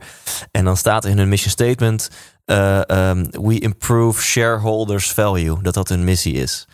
En, en die geeft dan, ja, dat is in principe heel eerlijk. Ja. Maar inderdaad, maar ja. Oké, hoe, hoe, hoe sexy is dat voor de medewerkers? Hey, we zitten hier om de shareholders value te vergroten. Ja. ja, dat is een resultaat. Dat is geen missie. nee, Weet je, dat is niet. Mensen gaan niet aan van. We gaan meer geld verdienen. nee. Voor de aandeelhouder. Ja, voor de aandeelhouder. Ja. En mensen denken, ja, voor- en voor hunzelf, dan, eh, als we hunzelf maar genoeg bonus geven, dan komt het wel goed. Maar er zijn ook Ja. zoveel onderzoeken over. Mensen, als jij thuis komt en je hebt een welverdiend com- compliment gekregen van je baas. En die heeft echt specifiek gezegd, dit is zo goed wat jij doet. Zo tof. Dit, hier ben jij zo goed in. Doe dat alsjeblieft nog veel meer. Daar ben je zoveel enthousiast over. En dan kun je zoveel langer opteren dan, hey, je krijgt 250 euro. Ja. Hey, en hoe ga je dan, stel je hebt de kernwaardes en de gedragsregels in kaart gebracht. En toen zei je, ja, maar ga het dan nog maar eens doen. Want bij de meeste bedrijven hebben ze dat mooi in de muur hangen. Maar ze doen het niet. Dus Nee. wat, wat is de transitie tussen dat mooi bepalen en dat mooie document aan de muur. En dat werkelijk ook implementeren? Ja, dit is het moeilijkste gedeelte. Ja. Dit is het gedeelte waar ik ook heel veel leer. Ja. Nog. Waar ik ook al aardig wat heb geleerd. Maar waar ik ook nog steeds heel veel leer. Want dit is gedragsverandering. Ja, Nou goed, dat is ook wel een thema. Dat is ook de thema. Ja, weet je? Het gaat over geluk, jouw podcast. En dat heeft te maken met ontwikkeling. Jezelf ontwikkelen. En ja, we weten allemaal hoe moeilijk dat is. Ja. Weet je, dan ga je twee weken naar de sportschool. En dan eh, komt de House of Cards uit. Ja. Zit je weer twee weken op de bank. Ja. Weet je wel? Dat is het, datzelfde kun je plakken op deze groep mensen die in een bedrijf zitten. En hun gedrag moeten veranderen. ja. Dat is best lastig. Maar je kan het doen. Eh, als je dus je waarde weet en je weet het gedrag, wat je wil, meer wil zien. eh, dan werken wij samen met een aantal mensen in de organisatie die dit gedrag al laten zien. Dus wij komen van buiten. Wij weten heel veel over cultuur, maar wij, wij weten niet echt wat jij nodig hebt. Daar moeten we eerst luisteren. Maar daarom werken we ook samen met een cultuurteam. Die hebben we aan iedereen gevraagd in de enquête. Dat, daar beginnen we mee. We beginnen altijd met een anonieme enquête. Dat is het luisterproces, hè, de Ja, eerste stap. ja. En daaruit hebben we eh, een aantal mensen geselecteerd eh, op de vraag van wie vind je hier nou echt gedrag vertonen wat echt past bij deze organisatie, weet je wel. En eh, daar hebben we een shortlist van en die nodigen we uit voor het cultuurteam. En met die mensen gaan we rituelen en symbolen ontwerpen. ja. Van als het caring nou die kernwaarde is, om elkaar geven, wat voor rituelen kunnen wij dan eh, proberen? Dat is allemaal experimenteren, Ja, weet je. We ja, proberen gewoon wat dingen. Als het niet werkt, dan beginnen we weer wat overnieuw. En dat zou kunnen zijn pingpongtafel, want dan krijg je banding. En dan, hè, weet je, het is belangrijk om dat familiegevoel eh, gaande te houden. Hè? En dat redden we niet alleen met die borrel op vrijdag, want steeds minder mensen blijven hangen op die borrel, want mensen moeten naar huis. Dus we moeten andere manieren bedenken om mensen met elkaar te laten connecten. Ja. Bijvoorbeeld. Maar een, een symbool, een fysiek iets. Een voorbeeld, Apple's nieuwe kantoor is een ronde disk. En een van hun eh, belangrijkste, eh, nou, ik weet niet of het verankerd is in een waarde, maar hun, zij zijn all about creativity. Zij moeten gewoon nieuwe dingen maken. Mhm. En creativiteit, eh, vaart heel erg wel bij eh, veel interactie. En veel Ja. toevallige interactie. Ja. En je komt iemand tegen bij koffie en oh, werk je daar aan? Oh, maar daar hebben wij nu net een probleem mee. Kun je even met ons meekijken, want we komen er niet uit. Dat kun je niet, daar kun je niet een vergadering voor. Dat werkt Nee, niet zo. Je nee. moet gewoon per ongeluk iemand tegenkomen. Daarom hebben ze een rond gebouw gemaakt, zodat mensen zoveel mogelijk, en ook die indeling van het gebouw is zo, dat er zoveel mogelijk eh, mensen tegen elkaar opbotsen. Gewoon fucking mooi. Ja. Weet je wel? Gewoon van je zit ergens en nou, als je koffie wil halen, moet je in ieder geval langs eh sales en in ieder geval langs, weet je? Gewoon goed over nagedacht. En dat is een vorm van een, en dat is dan geen ritueel, maar dat is een symbool. Ja, het ja. kantoor is een symbool. En, en om de link naar geluk te leggen, is het denk ik leuk om zowel vanuit werk- werkgevers als vanuit werknemersperspectief dit te benaderen. Voor de mensen die luisteren, die dus of ergens werken, of mensen die zelf een eh, team leiden. Eh, eh, ehm, en dan de link naar geluk. Dus hoe belangrijk is het als werkgever of als ondernemer of als teamleider dat mensen in jouw team dat die hun persoonlijke geluk kwijt kunnen in het bedrijf. Dat die dus, want je Ja. zei net al iets van 12% productiever of zo. Ja. Dus hoe belangrijk is dat mensen in jouw team gewoon gelukkig zijn? Ja, heel erg gelukkig. Want als je niet gelukkig bent, dan ben je dus al afgeleid. Want dan ben je bezig met de dingen die je ongelukkig maken. En dat kan buiten het bedrijf liggen, relatie, iets dergelijks, waar je dus minder invloed op hebt Ja. als manager. Ja. Maar het kan ook heel erg, en dat gebeurt vaak, eh, liggen aan het werk. Ja. Wat er gebeurt. Ja. Die vervelende collega met wie je gewoon geen goede relatie hebt. Ehm, als je dat kan wegnemen, dan, hè, dat- dat- dat- dan creëer je een team wat gewoon lekker in zijn vel zit en daardoor veel beter gaat presteren. Dus Ja. je kan ook heel egoïstisch denken als bedrijf. Als je mensen gelukkiger zijn, dan krijg je gewoon meer shareholder value. Ja. Weet je, zo werkt het gewoon. Talloze onderzoek. En je ziet het ook. Kijk naar de. Wat vind jij een mooi bedrijf? Wat echt succesvol is? Gewoon any, any company. Zo.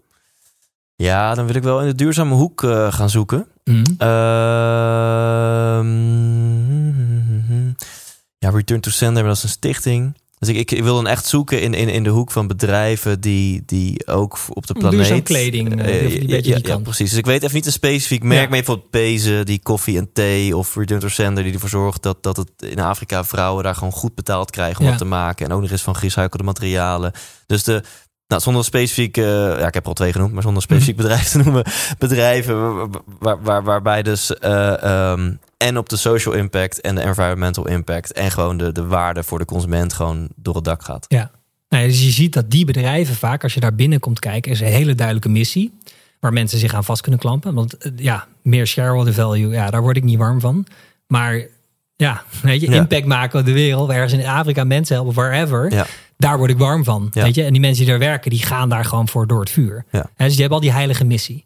En je ziet toch vaak bij die bedrijven die heel goed presteren, of het nou eh, een, een, een bedrijf hebt wat een positieve impact heeft op, eh, op de natuur of op, op Mhm. Ja, de bevolking. Of je kijkt naar Pixar, die gewoon hele mooie films maken. Ja. Als je daar binnen kijkt, dan zie je dat daar vaak een hele sterke cultuur staat, waar echt over is nagedacht.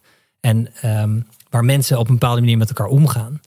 En, en, en eigenlijk zijn die mensen over het algemeen gelukkig. Dat wil niet zeggen dat iedereen daar blij de hele dag is en heel aardig tegen elkaar doet.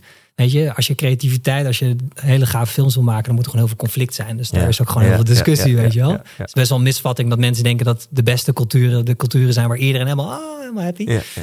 Eh, is niet altijd zo, maar het is wel een belangrijk onderdeel. Je moet wel goed in je vel zitten. Want als je goed in je vel zit, kun je ook gewoon een heftige discussie aan. Dan ben je niet s'avonds naar huis aan het gaan en denken, ah, wat ik nou weer zei, of hij zei dit. En, Ja, en, en los van wat nou je cultuur is, of je nou integriteit als kernwaarde hebt, of, of sales of whatever, ja. als dat de kernwaarde überhaupt zou kunnen zijn. Maar hoe, hoe zorg je ervoor dat, eh, eh, hoe kan je extra stimuleren dat de mensen in jouw team gelukkig zijn? ja, er zijn vele manieren, maar als je het heel simpel houdt, eh, het begint al met zorgen dat mensen wel eh, praten over wat ook hun bezighoudt, gevoel. Ja. Dus er zijn best wel veel mensen die denken, hey, op werk moet ik professional zijn. Ik moet een professional zijn. En voor heel veel mensen betekent professional zijn een soort masker, geen gevoelens. Het gaat om werk, het gaat om resultaten, het gaat niet om zachte dingen. Dat is natuurlijk onzin, want we zijn ook gewoon mensen op werk en we voelen ook gewoon dingen. En als een collega iets zegt wat jou raakt, omdat je gisteren ruzie had met je vrouw en daardoor komt het heel anders over, terwijl die collega het niet zo bedoelde, dan zit jij een uur gewoon achter die computer van ja, dat vind ik helemaal niet leuk. Dus dan ben je niet gefocust aan het werk. Dus een van de meest basale dingen die je kan doen op een maandag, als je een vergadering begint, is dat je eerst een check-in doet. Even een ronde, we zijn hier met z'n achten. Even een check-in. Kun je heel simpel doen. Ben je groen, oranje of rood? En heel veel mensen die dit nu horen denken, hey, jezus, wij zijn volwassen mensen, gaan we een beetje check-in doen.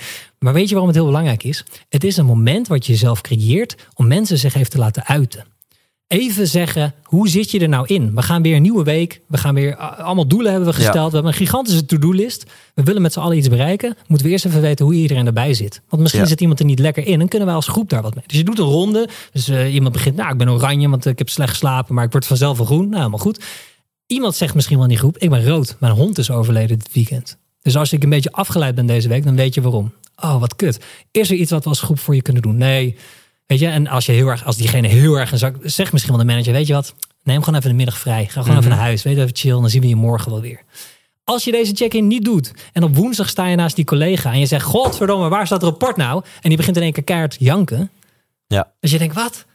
Dat komt omdat zijn hond is overleden. En die zit al, al Ja. woensdag in zijn hoofd. En jij bent net die laatste druppel. Ja. Dus die check-in zorgt ervoor, hoe zitten we erin met z'n allen? En wat hebben we nou nodig? En dat kan Ja, ook werkgerelateerd zijn. Hoeft niet, het kan ook zijn van, ja. jongens, ik heb de hele weekend overgewerkt. Ik red het niet. Ik heb jullie hulp nodig. Ik heb van Jaapje dit nodig, van Pietje dat. Want anders red ik het niet. Inderdaad, heel bazaal. Heel bazaal iets, Heel een check-in. dat, je- dat je gewoon communiceert Ja. over wat er aan de hand is.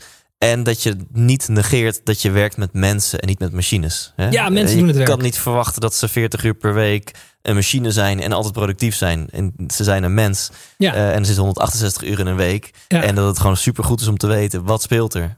En, ehm, en dan is dit een heel concreet, ik hou van concrete tips. Ja. Dus je zou, als dit past, wij hebben bijvoorbeeld de consultancyclub op maandag is die leeg, want die is bij de krantenklant. Ja, als precies. Maar ergens een moment waarbij Precies. je een check-in Ja, kan een doen. check-in, cool. Ja. Ja. Er zijn Hey, nog heel veel andere tips voor. Maar het is heel bazaal vaak. Het, is, het, het heeft te maken heel vaak met communicatie. Ja. Eh, onderstroom. Dingen die onder water blijven. Die, eh, en er is nooit een goed moment. Als je hond is overleden, ga je niet op maandagochtend als je dan zegt... Hoe was je weekend? Hoe was je weekend? Die barrière is best hoog om dan te Precies. zeggen... Mijn hond is overleden. Ja. Dat willen mensen niet horen. Mensen willen gewoon horen... Heb je een leuk weekend Precies, gehad? En laten we beginnen. Ja. Dus je moet Precies. even dat moment creëren. Dat is heel belangrijk. Hey, en dan terug, terug naar jou, want als ondernemer moet je een beetje marketing doen. Moet je ervoor zorgen dat mensen jou kennen.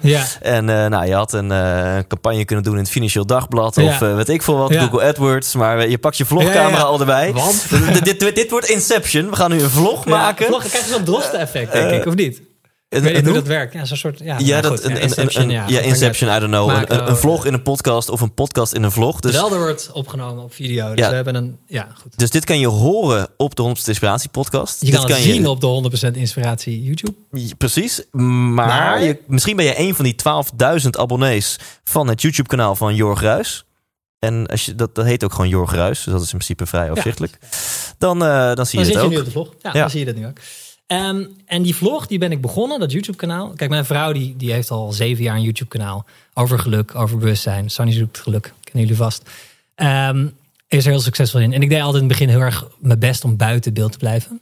Ja. En toen in één keer werd ze uitgenodigd naar Zuid-Afrika voor een persreis. En had ze drie weken lang een cameraman nodig. Toen wilde ik in één keer wel in de vlog natuurlijk. Ja. Toen vond ik het al wat minder awkward. En toen ik begon met ondernemen dacht ik... hey Jorg, je gaat iets doen wat je niet eerder hebt gedaan. Je gaat vast allemaal hilarische fouten maken. Of in ieder geval gewoon fouten maken. Misschien is het wel slim om dit te documenteren. En dan ga je tien weken doen en dan mag je van jezelf niet... Dit is een hele belangrijke afspraak, anders was er geen YouTube-kanaal geweest. Mhm. Ik heb met mezelf afgesproken, je gaat dit tien weken doen. Hoe stom je het ook vindt, pas na tien weken mag je oordelen wat je er oprecht van vindt. Nou, de eerste week liep ik natuurlijk met een camera door Amsterdam. In die camera praten, allemaal fietsers, voetgangers, Oh, ja, allemaal ja, gek kijken. Dus dat had heel erg met mij te maken, met mezelf. Ja, ja, ja, Vond ik allemaal heel moeilijk. Editen tot drie uur s'nachts. Een twee uur lang doen om een beeld op een muziekje te krijgen. Ja, dat het ja, op, de beat helemaal... nou, goed. Ik heb vaak gescho- gescholden in het begin. eh, en vond het heel vaak stom. En na een paar weken vond ik het eigenlijk heel erg leuk. Want dan reageerden heel veel mensen heel positief op. Vond het Ja. leuk dat je... En ik, ik, ik bedoel, ik, ben, ik, ik heb vooral laten zien... joh, ik ben geen expert ondernemer. Ik ga het voor het eerst doen. Weet ik veel. Dit is mijn tof. aanname. Dat ga ik toetsen. Tof. En dat ga ik laten zien. Dus er zit een bepaalde mate van kwetsbaarheid in.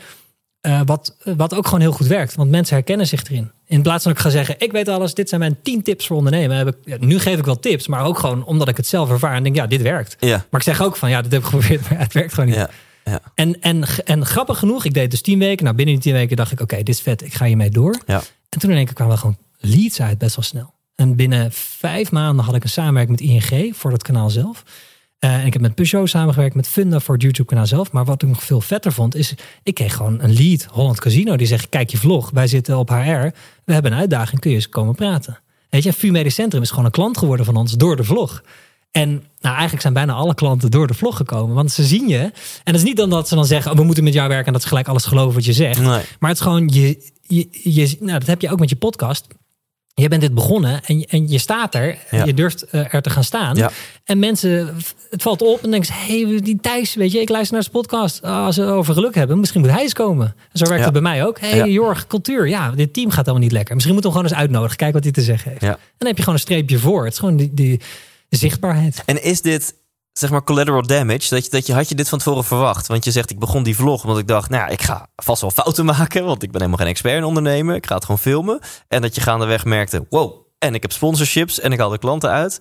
Of was het ook wel van tevoren voorbedacht te raden van, hey, dit is en heel leuk en mogelijk een hele goede personal branding tool? Ja, ik had dus wel de hoop. Ik ben natuurlijk wel een marketeer. Dus ik wist wel, ik hou van Ja. personal branding. Dus ik wist wel dat Ja. het me wat ging brengen. Ja. Maar dat het echt, dat echt zulke toffe klanten uit zouden komen, had ik echt niet verwacht. Dat had ik wel gehoopt, maar ik, ik, ik, ik durfde het bijna niet te hopen. Daar zat ik een beetje in. Ik wist meer gewoon van, ik zet mezelf op de kaart. Ik ben gewoon een ondernemer, weet je, personal branding. En dan hopelijk klikken mensen door naar mijn website. Dan krijg ik een klant uit. Maar dat het zo hard ging. Weet je, want ik ben nog steeds maar klein. Ik heb maar 12.000 abonnees, maar ik zit in een niche. Ik heb het gewoon over teams, cultuur en over ondernemen. En een stukje gezin erbij. Weet je, Ja. er ook een persoonlijk stukje in. Maar dat, er zijn mensen die luisteren, die zitten allemaal op hele interessante posities van mij. Dat had ik niet kunnen bedenken. Dat er Nee. zoveel mensen op HR-posities Nee. zitten die naar mij luisteren. Ja, en, en dat brengt mijn volgende vraag, zoals je dat zelf net heel mooi zei. Wat je de, welke neiging je hebt, of je nu een podcast maakt, of Insta-stories of een vlog. Dat je de neiging hebt om jezelf professioneler neer te zetten dan je bent. Want Ja. je denkt, ja, mijn mogelijke eh, toekomstige opdrachtgever luistert ook. En dan ga ik nu lopen delen dat ik niet overal Ja. even zeker over ben. Ja. En ehm, dan kan een keuze zijn dat je jezelf gewoon super perfect voor gaat doen alsof jij alles weet. Maar je keuze kan ook zijn om gewoon toch eerlijk te blijven. Eh, hoe, hoe, hoe is dat proces? Nou, dat is ook een gewoon luiheid. Het is veel makkelijker om, eh, om eerlijk te zijn en zeggen dat je, dat je niet alles weet, want dat creëert ruimte. Zodra je jezelf als expert neer gaat zetten, moet je echt zeker weten dat je echt Mhm. heel goed bent. Ja. Want dan, gaan de andere mensen die er ook heel veel van weten gaan zeggen: Ja, maar gast, wat je net daar zei, dat klopt helemaal niet. Ja, ja, ja, en dan ga je het heel erg moeilijk krijgen. Dus het is wel een natuurlijke, dat is wel interessant dat je zegt, het is wel een natuurlijke eh, behoefte van mensen. Hè? En dat is ook dat professionele. Je wil goed overkomen. Ja, Dat is ook zo moeilijk om te praten over gevoelens op werk. Of om, om, om überhaupt kwetsbaarheid op werk Ja. terug te krijgen, weet je wel. Eh, mensen willen zich altijd van een beste Precies. beentje, de beste versie van zichzelf laten zien. En daar is niks mis mee. Maar je kan erin doorschieten dat alles perfect moet zijn. En, dan, en dit is ook weer op geluk. Er zijn heel veel mensen die ik tegenkom en zeggen... ja, ooit wil ik voor mezelf beginnen. Ooit wil ik dit gaan doen. En ze gaan... Ik, ja, goed, ik vind het heel, heel triest. Maar er zijn echt mensen die gaan op een 80 of 90 terugkijken en denken... fuck, had ik het maar gedaan. Mhm. Want Ja. ik heb dat zelf ook ervaren. Want je maakt in jezelf een eh, hoofd van dat moet perfect zijn. Ja. Want anders ga ik niet beginnen. Toen jij je podcast begon, ja, ga ik ervan uit dat je ook, ja, je bent ook wel een beetje een perfectionist. Maar het, is- het moet goed zijn. Maar dat is iets anders dan het moet perfect zijn. Ja. wordt op een gegeven moment een excuus. Ja. En dat staat je eigen geluk in de weg. Ja absoluut. moet gewoon beginnen. Ja, Weet je, ik zie alles als een experiment. Dat maakt het alleen maar makkelijk. Ja, en dat maakt dat persoonlijke ontwikkeling en ondernemerschap echt hand in hand gaat. En daar wil ik eh, totaal niet mee suggereren dat als jij niet een ondernemer bent, niet aan persoonlijke ontwikkeling doet. Absoluut niet. Maar eh, als je onderneemt, dan moet je, ja, dan ben je ineens zichtbaar. Ja. En dan is je bedrijf een reflectie van jouw eigen valkuilen en jouw eigen kwaliteiten. En ja, dan, dan moet je aan de bak. En dat Ja. is dus best wel eng, want dan wil je dat het misschien allemaal perfect is.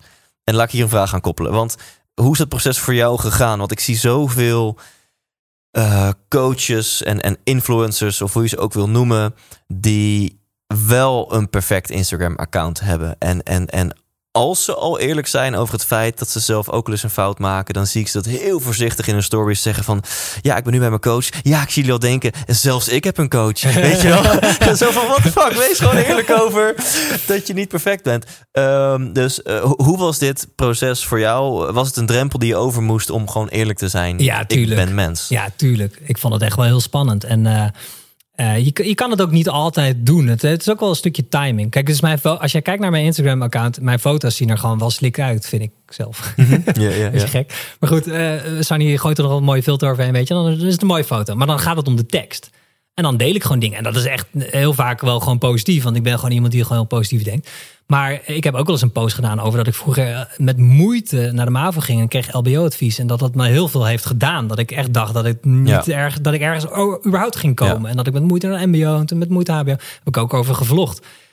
Ik vond het heel fijn om dat te doen. Maar als je het zakelijk. Dus ik, soms moet je jezelf dwingen. Dan vraag je jezelf af: kan dit wel? Weet je, doe ik mezelf niet dan tekort of gooi ik dan mijn eigen ruit in als ik het nu ga zeggen dat ik het eigenlijk allemaal niet weet, terwijl ik net een klant heb geclosed? Mhm, mhm. Dat is een beetje gek. Mhm. Maar dat heb ik wel gedaan. Het leuke was, het VU Medisch Centrum had ik geclosed. Ik kan echt wel wat op cultuurgebied. Toen ik begon ook, want ik had het bij twee bedrijven gedaan. Maar ik had het gedaan door, ik zie daar wat, ik zie daar Ja, wat. Ik heb precies. een boek, ik ga maar wat doen.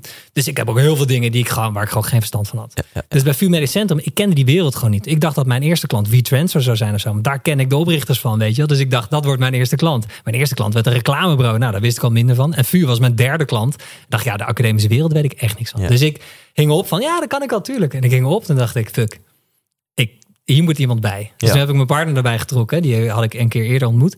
En die wist heel veel van de academische wereld. En ik zei, ja, weet je, er zijn gewoon dingen waar ik goed in ben. Maar er zijn ook gewoon dingen waar ik gewoon niks van weet. En dat moeten we wel tackelen. Dat proces heb ik later uitgelegd. Veel vlogs later, toen er al iets stond bij Centrum... waarvan ik dacht, oké, we hebben Eh, het goed eh, gedaan. eh. Heb ik eerlijk in een vlog gezegd van... ja, weet je, ondernemers ook gewoon af en toe gewoon een beetje bluffen. En niet zo ver gaan dat je iets eh, belooft wat je niet kan waarmaken. Je moet uiteindelijk wel gewoon de stappen zetten. Ja. Maar daar heb ik echt wel iets gezegd van... oh, tuurlijk kan ik. En dat ik dacht, fuck, Precies, ja. dit is heel Ja, spannend. en nu moet ik wel hulp hebben. Ja. En die kwetsbaarheid, om dat te laten zien, vind ik heel belangrijk. Want dat is niet alleen voor mezelf. Ik weet gewoon dat het een, een mooie manier is om te connecten met mensen. Maar ik vind het gewoon belangrijk als een kijker kijkt die voor zichzelf wil beginnen. Dat die denkt, oh fuck, het hoeft dus niet. Je hoeft dus niet alles te weten. Je hoeft dus niet gelijk alles te kunnen. Mhm. Weet je, er zijn nog steeds mensen die kijken dan naar een succesvoorbeeld. En die is dan nu multimiljonair. En die is helemaal dus king shit. Maar bij al die verhalen, als je gaat kijken, was het altijd weer... Oh ja, mijn bedrijf ging bijna failliet. En ik moest een tweede hypotheek op mijn huis nemen. En, en dat vergeet je heel Ja. snel. Zeker door die wereld van Instagram. Ja. Dan zie je die vette foto's en denk je... Wauw, hij is weer in Zuid-Afrika. Nou, eh, gaat goed. Ja, alleen maar leuk. Ja. Ja. Ik zelf bijvoorbeeld, als ik dan vlak voor een optreden denk, en heb ik dus nog nooit gedaan, ben ik heel eerlijk in. Dan durf ik niet op Instagram te zetten. Fuck, ik vind het eigenlijk super spannend. Ik eh, weet niet of ik wel helemaal match bij Ja. deze groep. Of, Nou ja, eh, ik denk als je dat zou en- doen... en dan met jouw ik- track record van hoe vaak je hebt gesproken... zou echt vet zijn. Ja, terwijl, maar ik ben dan dus bang. Straks zit mijn opdrachtgever, die, die zit mij op stories te checken. En een kwartier voordat ik op moet, ziet die opdrachtgever van... Oh, je bent, eh, je scheidt alle kleuren. Of, ja, ik heb, ik- mag ik... ja, ja, Ik heb deze dus in een vlog gezegd dat ik zenuwachtig was. Ik moest ergens spreken in een stadion. Kwam binnen. Toen dacht ik echt dat het in het stadion was. Toen werd ik nog zenuwachtiger. Want ik zag zo'n tribune met allemaal mensen. Een heel groot stadion. Ja, ja, ja. was er één zo'n rijtje met mensen. Ik dacht, nee. Straks moet ik hier gaan staan. Maar het was gelukkig binnen. Ja, ja. Eh, en toen heb ik in de vlog gedeeld van jongens, ik ben eigenlijk best wel zenuwachtig. 200, het was 250 mensen, niet eens heel Ja. veel. Ik heb ook voor 800 mensen gesproken. ja, ja. Ehm, jij vast nog voor heel veel meer mensen. Volgens mij is jouw theatershow en Betex Theater, dat gaat richting de duizend. Dat is anderhalf duizend. Anderhalf in ieder geval, ik sta in elk geval voor anderhalf duizend stoelen. ja, dat er geduld zijn. en ik Jongens, hoop dat er ook anderhalf duizend mensen komen. Ehm. Maar dat gaat, dat- je gaat daar zeker in ieder geval een aantal mensen krijgen. Weet je, dat is gewoon spannend. En ik, ik liep daar binnen en ik dacht, fuck man, ik ben zenuwachtig. Dat heb ik op de vlog gezegd. Maar ergens had ik van, oké, ik ga dit ook wel even valideren. Want volgens mij is iedereen zenuwachtig. Dus ik ging naar die sprekers die na en voor mij stonden en zeg, hé hey man, weet je, hoe doe, hoe doe jij voorbereiding? Want ja, je, je hebt toch altijd spanning? Ja, je hebt altijd spanning. Ja, ik ben eigenlijk ook gewoon... Ja, zij noemen het eh, zenuwachtige spanning. Het is eigenlijk voor heel veel mensen een beetje hetzelfde. Hè? Eh, maar je hebt gewoon altijd Ja. die spanning. Ja. En ik, ik heb nu ook gewoon... eh, ik zeg dan ook, dan geef ik dan gewoon hoe ik daarmee omga. Ik ben zenuwachtig. Ik had een keer een talk in Berlijn. Ging ik s'avonds in het hotel. Zei, jongens, ik ben zenuwachtig, kan niet slapen. Dus ik ga nu mediteren. En ik heb een trucje wat ik morgen ga doen. Dus ik, als ik die zenuwen voel, dan zeg, zeg ik tegen mezelf: dit is energie. En zodra je het podium opstapt, ga je dat omzetten. Ga je het omzetten in een hele goede show. Mhm. Ja, Gewoon, ja, ja, dit is jouw brandstof. Dit heb je nodig. Als je nu geen zenuwen had, dan had je een probleem. Ja. Weet je? En, zo maak ik het voor. Ja, en dat helpt. cool. En, dat deel ik dan. Ja, en, en laten we die geruststelling, want die kunnen we niet vaak genoeg de wereld intrappen. Dus laten we dat doen. Dat mensen zijn altijd zoveel minder perfect dan het lijkt. Ja. Weet je wel, of het nu een, een, een Tony Robbins is, of een Jorg Ruijs of een Thijs Lindhout. Ja. En, wat- en wat een eer dat Tony in dat rijtje genoemd mag worden natuurlijk. Dat, weet je wel, ik had laatst een talk en daar heb ik, ben gewoon bij wijze van spreken twee weken aan de diarree geweest. Voor, voor, voor die ene talk. Dat was een 12 minuten talk, eh, die kan je op YouTube bekijken. Drie misvattingen over geluk. En ik heb ook momenten dat ik, tuurlijk, ik ben ook eerlijk in het feit dat ik, dat ik dit goed kan. En de meeste gigs ben ik gewoon confident. En heb ik een beetje gezonde zenuwen, gaat goed. Maar ik heb ook gigs dat ik echt van tevoren denk... Man, moet je jezelf dit nou weer aandoen? Ja. Dit gevoel is zo kut. Ja. En oh, wat ben ik blij als het erop zit, weet Ja. je wel. Ja, ik heb, ik heb En- daardoor vaak getwijfeld of ik wel moet doorgaan met, met spreken. Omdat ik echt gewoon dat, dit het, had. het kan echt de hel zijn. Ja, en eh, toen las ik iets van Tim Ferriss en die zei ja, ik weet gewoon van mezelf, als ik ergens publiek moet spreken, dan eh, de avond ervoor slaap ik niet. Dus, Zo, dus, dus dat, daar ga ik gewoon vanuit. Want ik heb wel eens vaak, dan lig ik wakker en dan denk ik, ja fuck, maar ik moet nu wel goed uitrusten, want morgen moet ik performen. En dan maak je jezelf helemaal gek en dan ga je natuurlijk helemaal niet slapen. Dan denk je, oh kut, ik lig nog steeds wakker, het is al drie uur s'nachts. Terwijl ik nu accepteer ik, als ik wakker lig, it's fine. En als Ja. ik echt niet kan slapen, ga ik gewoon mediteren. Ja, ook als mensen mij eh berichten op Instagram sturen of zo. Van ja, ik moet spreken, ik ben zenuwachtig. Vroeger zou ik dan altijd tips geven. Oh, dit en dat. Nu is- heb ik eigenlijk meestal gewoon terug. Ja, hoort erbij. Ja, Weet je ja wel? maar dat, ja. Eh, om, eh, accepteer het maar gewoon. En, eh, en- dit is, weet je wel, elke baan heeft minder leuke kanten. En dit is echt gewoon een minder leuke kant van, van een, vind ik in elk geval van spreker zijn. Ja. Dat je, je hebt soms dagen dat je gewoon knetter zenuwachtig bent. Om, omdat je iets gewoon super spannend vindt. ja. Ik denk dat als je het van tevoren zou delen op je Instagram en ik zou dat zien, zou ik denken, hey, vet. Thijs, die zoveel, vaak, zo vaak op podium zijn eigen show heeft. En dan toch nog Ja. eh, de gezonde zenuw heeft. Denk, ik, oh ja, Ja. zie je? Hij ook. Toevallig hier iemand uit mijn team van de duurzame adviseurs, die zei dat laatst tegen mij. Want volgens mij vertelde ik toen dat ik zenuwachtig was voor die talk. En die zei, Thijs, jij zenuwachtig? dacht ik echt zo, wow, heb, wist je dat niet dan? Ik ben ook voor al onze, we doen vier keer per jaar doen we events voor onze, voor onze relaties. eh, en ik, daar ben ik ook altijd zenuwachtig voor, weet je wel. Heb je, maar dat zien mensen dus inderdaad Nee. niet. Dus Het is toch belangrijk om dat te delen, vind ik. Ja. Want daardoor inspireer je anderen weer van, oh, blijkbaar hoort het erbij. En dus kan ik gewoon wel doorgaan daarmee. ja, Dus ben ik niet aan het falen op dit moment. ja, En dat, dat is gewoon heel belangrijk, ook voor persoonlijke ontwikkeling. Want je creëert zo snel een verhaal in je hoofd waarom het, ja, dit is vast niet goed. Ah, het is niet perfect, ah, laat maar. ja. Dan nee, je hebt zenuwen en ga gewoon de stage op. Het is niet handig om de stage op te gaan en te zeggen, oeh jongens, ik ben heel zenuwachtig. Die is niet handig. Nou, nou, nou, nou, zo die, ik niet ja, die, ga ik challengen. Ja, oh. Het, het kan, eh, dat, dat noemt Remco Klaassen een submersive entry, maar dat is, die mag je vergeten. Ehm, het, het, het- het- het- andere metafoor. Tibor Olgers noemt dat een skipjebal onder water duwen. Als je voor je gevoel een skipjebal onder water aan het duwen bent, nou, dan zie je meteen voor je, dat is niet comfortabel. En het is dus heel fijn om die te benoemen. Dus als je je moet wel de juiste. ener- Dus ik denk dat het juist een opluchting voor jezelf kan zijn als je op komt lopen en zegt: Sorry mensen, maar ik wil even zeggen, ik ben eigenlijk super zenuwachtig. Hmm. Ik vind het best wel spannend om hier voor jullie te staan, want eh, ik heb dit verhaal nog niet eerder verteld. Of eh, want eh, ik weet dat die in de zaal zit. Of want ik, ik, ik zou echt. Ik vind het heel belangrijk dat jullie hier waarde uithalen of whatever. Het zou zomaar kunnen zijn dat dan die skippybal, dat je die loslaat en dan is het benoemd en dan. ah, Oké, dan ga ik nu beginnen. Oké, ja, als je hem zo stelt, eh, zeker voor jezelf wel. Ja, ik ga, ik ga er gelijk in mee. ik- Ja.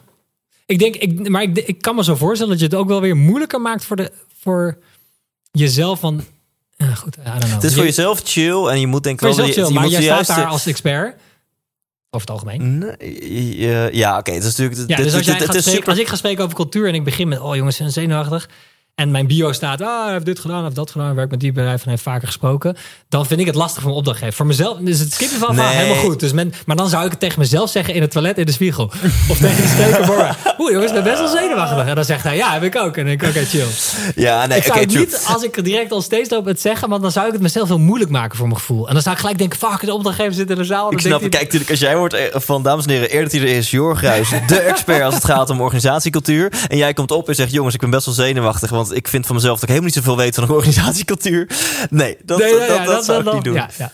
Maar, goed, dat skippen verhaal, verhaal helemaal eens. Ja, als je, het gaat, als je het gaat negeren, dat is met alles. Nou, laat ik dan, want ik vind het er nu ook spannend om te delen. Waarom ook niet? Want zo spannend is het misschien helemaal niet. Eh, de- eh, mijn laatste, van mijn laatste tour, die eindigde ik in Houten. Ja. Voor eh, 290 mensen. Het was uitverkocht. En ik vond het om twee redenen super spannend. Eén, er werd gefilmd. Was niet een integrale opname, maar wel voor een aftermovie waar we shots uit gingen gebruiken. Dus ik had zoiets van: oké, deze moet goed gaan. Die aftermovie was ik serieuze investering. Dus ik wist, ik voelde die druk. Eh, van tijd camera op me snuffert. Maar de druk die ik nog veel meer voelde was... er zaten best wel veel bekenden in de zaal. Meestal heb ik dat niet, omdat ik inmiddels best wel veel shows doe door het hele land.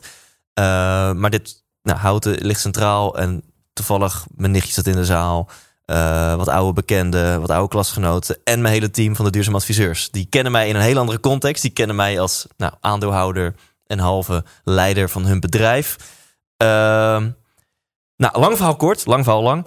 Ik heb dat niet benoemd. Dus ik, heb het, ik dacht van, inderdaad, in de coulissen dacht ik, nou, dit kan ik toch niet maken. Er zitten hier, behalve die bekenden, zitten hier 270 mensen in de zaal die mij gewoon zien als de geluksgoeroe. En dan ga ik een beetje lopen zeggen, ik vind het spannend, want mijn nichtje en mijn team zitten in de zaal en er wordt gefilmd. Ik denk, ja, dan, dan haal je jezelf onderuit. Achteraf denk ik, en ik had het ook achteraf van mijn regisseur over, ik had dit gewoon moeten zeggen. En Er wat- is echt maar- niks mis Je hebt mee. het dus niet gezegd. ik heb het niet gezegd. En waarvan merkte je dat dat, dat, dat niet handig was? Dat Ik je weet natuurlijk nooit wat er was gebeurd als ik het wel had gezegd. maar voor mijn gevoel heb ik nu een beetje de schijn omhoog willen houden. En mijn team ze ook in de pauze van... hey Thijs, je, je- je, je bent aan het werken, hè? Ah, Ik was ehm, in je plaats zat niet van... echt lekker in je flow. Ja. Je was gewoon echt van, oh, het moet goed zijn. Dus dan ging je in één keer... Ook als ik de Ja. beelden terugkijk, op momenten dat ik wilde de, de, de grapjes en de inspiratie erin duwen. Ja. Terwijl iets is het meest inspirerend en het meest grappig als, het gewoon uit, als je het uit flow kan vertellen, ook of dat je het voor de honderdste keer. Ja. Ehm, dus ik weet natuurlijk niet hoe het was geweest, ik wel had gezegd, maar ik denk dat het, dat het inderdaad als een opluchting had gevoeld als ik het gewoon had benoemd. Je was minder nonchalant. Je was Ja. minder in flow. eh, Ja. ja. Ja. Ja. goeie. Ehm, Jorg, wat kunnen we in de toekomst eh, van jou verwachten? Want je, je bent lekker bezig met culture builders. Je hebt 12.000 eh, volgers op, jou, op jouw vlog. Het is gewoon tof of je nou iets met cultuur hebt of niet om jou te volgen. Omdat je gewoon heel veel van jouw eigen journey deelt. Ja. Nee, ja. Ja, wat, eh, wat is het er aan te komen? Eh Culture Builders wil ik dus uitbouwen. Maar daarnaast eh, werk ik samen met Sunny, mijn vrouw, aan Ja. een online programma over... ja, de titel is Vandaag gelukkig, morgen succesvol. Ehm, Ja. En dat vind ik ook weer heel interessant. En ik ben begonnen met coaching ehm, eh, van beginnende ondernemers. Ook gewoon om te ervaren. Ik, ik- ja, ik heb een paar opleidingen gedaan. Kan ik dit? Vind ik dit leuk? En Ja, ja, Ehm, dus ik blijf daarin in, in spelen daarmee. En dat, dat laat ik eigenlijk allemaal op dat YouTube kanaal zien. Ik vind het ook gewoon leuk om, om nou goed, jij hebt dat ook. En veel luisteraars, allemaal achievers. Je, bent altijd, je hebt altijd weer een boek gekocht. En dan, ja, ik vind het gewoon leuk om te delen. Dus ik blijf daar gewoon mee bezig zijn met het delen van die, eh, die ontwikkeling. Eh, dat is dan nu op YouTube, maar misschien ooit in een soort online programma. Of ja, ik weet niet. Er zitten allemaal dingen aan te komen die, Ja. ja, ja moet ik nog eens even zien. Ja. Ja, het is aan, aan nieuwe ideeën geen, geen tekort. Nee, je moet ook dingen killen. Ik heb ook Ja, wel eens wat ja. dingen gekild. Eh, Ja. Dat moet wel. Je moet wel focus houden. Maar laten we een beetje promotie doen. Dus als mensen denken, nou, ik Mhm. wil wel die Jorg, klinkt, komt over als een eh, intelligente gast. Die kan mij helpen als startende ondernemer. Dan kunnen mensen dus jou inhuren als coach. Ja, ja. En dat kan via, Eh, ik heb een website jorgruis.nl. kijk, eh, dat is niet enkel alleen voor startondernemers. Ook als je al een tijdje bezig bent en je zit een beetje vast. Je denkt, ik wil naar het volgende niveau. ja. Ehm, ja, ik, ik, ik heb gewoon gemerkt. Ik heb zelf gelukkig eh, eh, die stap of fout overgeslagen. Maar veel mensen die beginnen met ondernemen spenderen heel veel tijd bijvoorbeeld aan een visitekaartje en een logo. En dat, en, en dat wordt ook weer dan een excuus om niet het echte werk te doen. Ja. Dan zit je de eerste twee maanden helemaal mooie visitekaartjes. Terwijl je Ja. eerste tien klanten, nou in ieder geval je eerste vijf klanten komen gewoon uit je eigen netwerk. Ja. En die kennen Thijs. En die hebben geen logo nodig. En ook je visitekaartje kun je in je zak houden. Ze willen gewoon met Thijs werken. En zo werkt het dus eh, bij die ondernemers. Daarnaast ben ik goed vanuit marketingperspectief met branding. Ik vind het leuk om merken neer te zetten. En dat is personal branding. Dat vind ik eigenlijk het allerleukste. Ik denk dat het tegenwoordig heel goed werkt als je als ondernemer eh, eh, ja, ook gewoon jezelf laat zien naast Ja. het bedrijf. Ja. Jij gelooft er denk ik ook in. Ja. Ehm, dus da- dat vind ik heel erg leuk om mensen daarbij te helpen. Ja. En, en misschien dat dat. Het is ook een soort van onderzoek. Ik coach nu mensen en dat is een soort van vooronderzoek wat ik doe voor eventueel een online programma. Oh. Ja. Van hoe kan ik mensen, hoe kan ik echt waarde bieden? Want daar Ja, gaat het wel om. Ik tof. wil, mijn YouTube kanaal is denk ik, eh, vind ik leuk om te doen, omdat ik het heel leuk vind om mijn eh, pad te delen. En ik denk dat daar waarde in zit. Dus ik deel Ja. soms ook specifieke tips. Gewoon van, hey, dit werkt heel goed voor mij. Probeer het er zelf uit. Laat me weten in de comments of het iets voor jou is. Maar ik vind het gewoon heel belangrijk. Bij alles wat ik doe, moet er wel gewoon waarde in zitten voor degene die het kijkt of Ja, luistert. cool. Maar Anders dit is vind ik heel tof. Anders is het gewoon de ego-show. Want, want zoveel ondernemers, ehm, die zitten met personal branding. Heel, voor heel veel ondernemers geldt dat, dat jouw persoonlijke bekendheid, jouw persoonlijke eh, eh, ehm, branding, dat dat ook de marketing van je bedrijf is. En dus indirect het succes van je bedrijf bepaalt. En eh, nou, ik durf dit gewoon zeg maar, hoe noem je dat met beide handen op hart te zeggen, Ja. dat mensen naar jou toe moeten. Want ik, ik geloof er 100% in dat jij mensen hierbij kan helpen. ja, cool. Dus wil je werken aan je personal branding, check Jorg. Ja. En eh, dit is niet gesponsord. Nee, zoals nee, precies, zoals nee, ja. elk interview. Want voor, mocht, mocht een nieuwe luisteraar dat niet weten, ik heb nog nooit, en dat zal ook nooit gebeuren, een gesponsord interview of wat dan ik, ook eh, ik, online gezet. ik ben nu in één keer verrast. Ik dacht, oh, je mag gewoon pitchen. Dus ik dacht, ja, oh, nee, dat mag pitchen. gewoon. Maar nee. Ja, nee, nou, ik, ik, ranzig, ja, wil twee, twee vragen wil ik mee afsluiten. Ja, want je zegt, er komt mogelijk een product vandaag gelukkig, morgen succesvol. Ik wil je on the spot zetten. Wat is jouw nummer één advies voor geluk? Eerlijk zijn naar jezelf wat je nou echt wilt. Wat je echt wilt. Schrijf dat eens op. Wat je echt wilt. Geen beperkingen, maar gewoon wat wil je nou echt? Aan het einde van je leven, als je terugkijkt, wat wil je nou echt hebben gedaan? Of wie wil je nou echt zijn? Ik heb dat een aantal jaar niet gedaan. Misschien wel heel lang. Dat ik dat niet durfde. Nou, dat is wel belangrijk. Ja, het is Tof, het belangrijkste wat er is. Dit is- nee, maar ik zit En hoe je helemaal- dat dan weer doet, daar kunnen we ook nog heel lang over Nee, praten. hoe, hoe je het zegt, maar- ik, ik pink bijna een traantje. weg. Dit Ja, is, deze komt ja. binnen, man. Deze komt binnen. Nee, ik heb heel lang, Dus doe heel het nou lang eens. een soort van beeld gehad. Dit moet ik zijn. En dan was ik dus niet. En- en- een en- variant van mezelf. Maar ik was niet oprecht gelukkig. Nee, nee, precies dat. Dus die eerlijkheid. En je hoeft niet meteen te gaan doen. Maar dit is, laat even alle verwachting, laat even alles vallen. En, en ook enige realiteit. Maar schrijf nou eens gewoon op wat je echt wil. Ja. Ja, ik heb heel lang bijvoorbeeld heel erg eh, aan de materialistische kant gezeten. Ja. Weet je, een aantal films die ik heel vet vind. Casino is een film met Robert De Niro loopt Ja. alleen maar in pak. Dus ik wil alleen maar in pak lopen. Dus ik moet een baan vinden waar ik alleen maar in pak ga lopen. Bewijzen van. Zo Ja. simpel was het niet. Maar ik heb wel heel lang... Ik hou nog steeds van mooie dingen. Ik ben gewoon een karakter, persoonstype... die ook heel erg van het visuele is. Dus ook heel erg van esthetiek. Dus ook heel erg van mooie spullen. Ja. Ehm, nou goed, weet je, daar kun je te ver in gaan. Dan kun je alleen maar geld gaan najagen, omdat je mooie spullen voor jezelf wil Ja. kopen. Nou, ik heb best wel lang gehad en ik had in Amsterdam ook veel vrienden die, die in een rijke hoek zaten. Terwijl ik zelf niet ik, eh, uit die hoek kom. En nou, ik heb in mijn jonge jaren daar wel, eh, weet je, dat te veel waarde gegeven. Nou, daar kom je mooi, natuurlijk achter. Mooi link naar mijn volgende vraag. Want je zegt vandaag gelukkig, morgen Ja. succesvol. En wat is dan jouw nummer één tip voor succes? Nou, dat is weer hetzelfde als weten wat je wilt. Dus ook weten wie je wil zijn. Weten wat je waarden zijn. Omdat veel mensen voor succes... Nou goed, laat ik hem zo zeggen. Veel mensen meten succes toch nog steeds af van materialisme, aan geld. En dat is een handig instrument. Want dat, daar is toch een bepaalde mate van succes mee. Hè? Als je miljoenen verdient, dan heb je ergens op een vlak succes. Ja. Maar veel mensen willen veel geld niet om het vele geld, maar om het gevoel daarachter. Dus als je succesvol wil zijn, dat betekent niet per se dat je veel geld verdient, maar dat je het leven leidt wat je wil leven. En dat het gaat dus wederom heel erg over het gevoel. Wat doe je met dat geld? Ik koop een huis in de bossen, want als ik in de bossen ben, kan ik aarden. Dat is het gevoel. En dan kom je er dus achter dat je geen miljoen hoeft te verdienen, maar dat je ook gewoon één keer per jaar naar Noorwegen Ja. kan. Of gewoon in een hutje kan wonen in het bos. En dan ben je dus ook gelukkig. En Ja. ook succesvol. Ja. Het is niet die. Vaak wordt er echt heel snel geld en materialisme Ja. aan gekoppeld. Dat is niet erg. Ik, hou ook gewoon, ik zou ook gewoon, gewoon een vette auto willen rijden. Ja. Maar ja, het Dus- gaat om het gevoel wat erachter zit. En dat is wat succes is. Dus, dus eh, als je stap 1 doet, hè, dus wat wil je nou echt? Dan komt er vanzelf een lijstje wat je misschien ook wel doelen en dromen zou kunnen noemen. ja. En dan is de volgende vraag, maar kun je niet nu al ervaren wat je zou ervaren zodra je deze doelen en dromen hebt gerealiseerd? Want een succesvol leven is het leven van. Ja, daar zit gevoel bij. Ja, Ja, en het kun leven je dus wat nu je ook wil al creëren. Ja. Ja, Ja. ja. dat is niet aan het eindstreep. Dat is nu al. Ja, oké, top. Stoppen. Thanks man. ja, ja. Box, high Top. five. Ja, Ja. high five, top.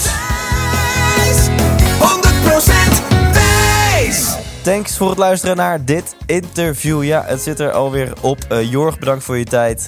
En eh, kan je niet wachten tot volgende week? Dan staat er een interview voor je klaar met Rick de Jong. Hij is eh, eh, Europees kampioen Pi onthouden. Nou, super sick. Ga dat volgende week checken. Maar ja, dat duurt nog eventjes wellicht. Eh, dus wil je nog meer inspiratie? Bestel dan alvast. eh, leg gewoon alvast een inspirerende avond uit voor jezelf vast. Ik zit er inmiddels middenin. De 100% Inspiratie Tour 2019-2020. Dus als je dit hoort, dan ben je mogelijk nog net op tijd om je tickets te bestellen op thijslindhout.nl. Eh, en volg mij op Instagram. Nou, dat hoeft trouwens helemaal niet. Dat zei ik heel, dat zei ik heel dwingend. Dat meende ik niet. Sorry, ik neem het terug. Je mag me volgen op Instagram. Je hoeft het voor mij niet te doen, maar misschien vind je het voor jezelf gewoon leuk om eh, contact met mij te houden. Ik beantwoord eh, bijna alle berichten die ik ontvang op Instagram.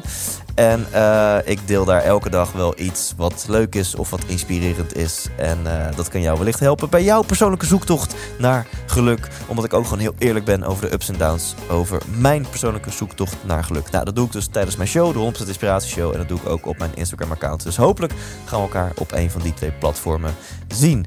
En vergeet uiteraard niet om je nog even te abonneren op het vlog van Jorg Ruis. Als je afgelopen anderhalf uur een tof, inspirerend gesprek vond. Thanks daarvoor. En volgende week zit dus een interview voor je klaar met Rick de Jong. Leef intens.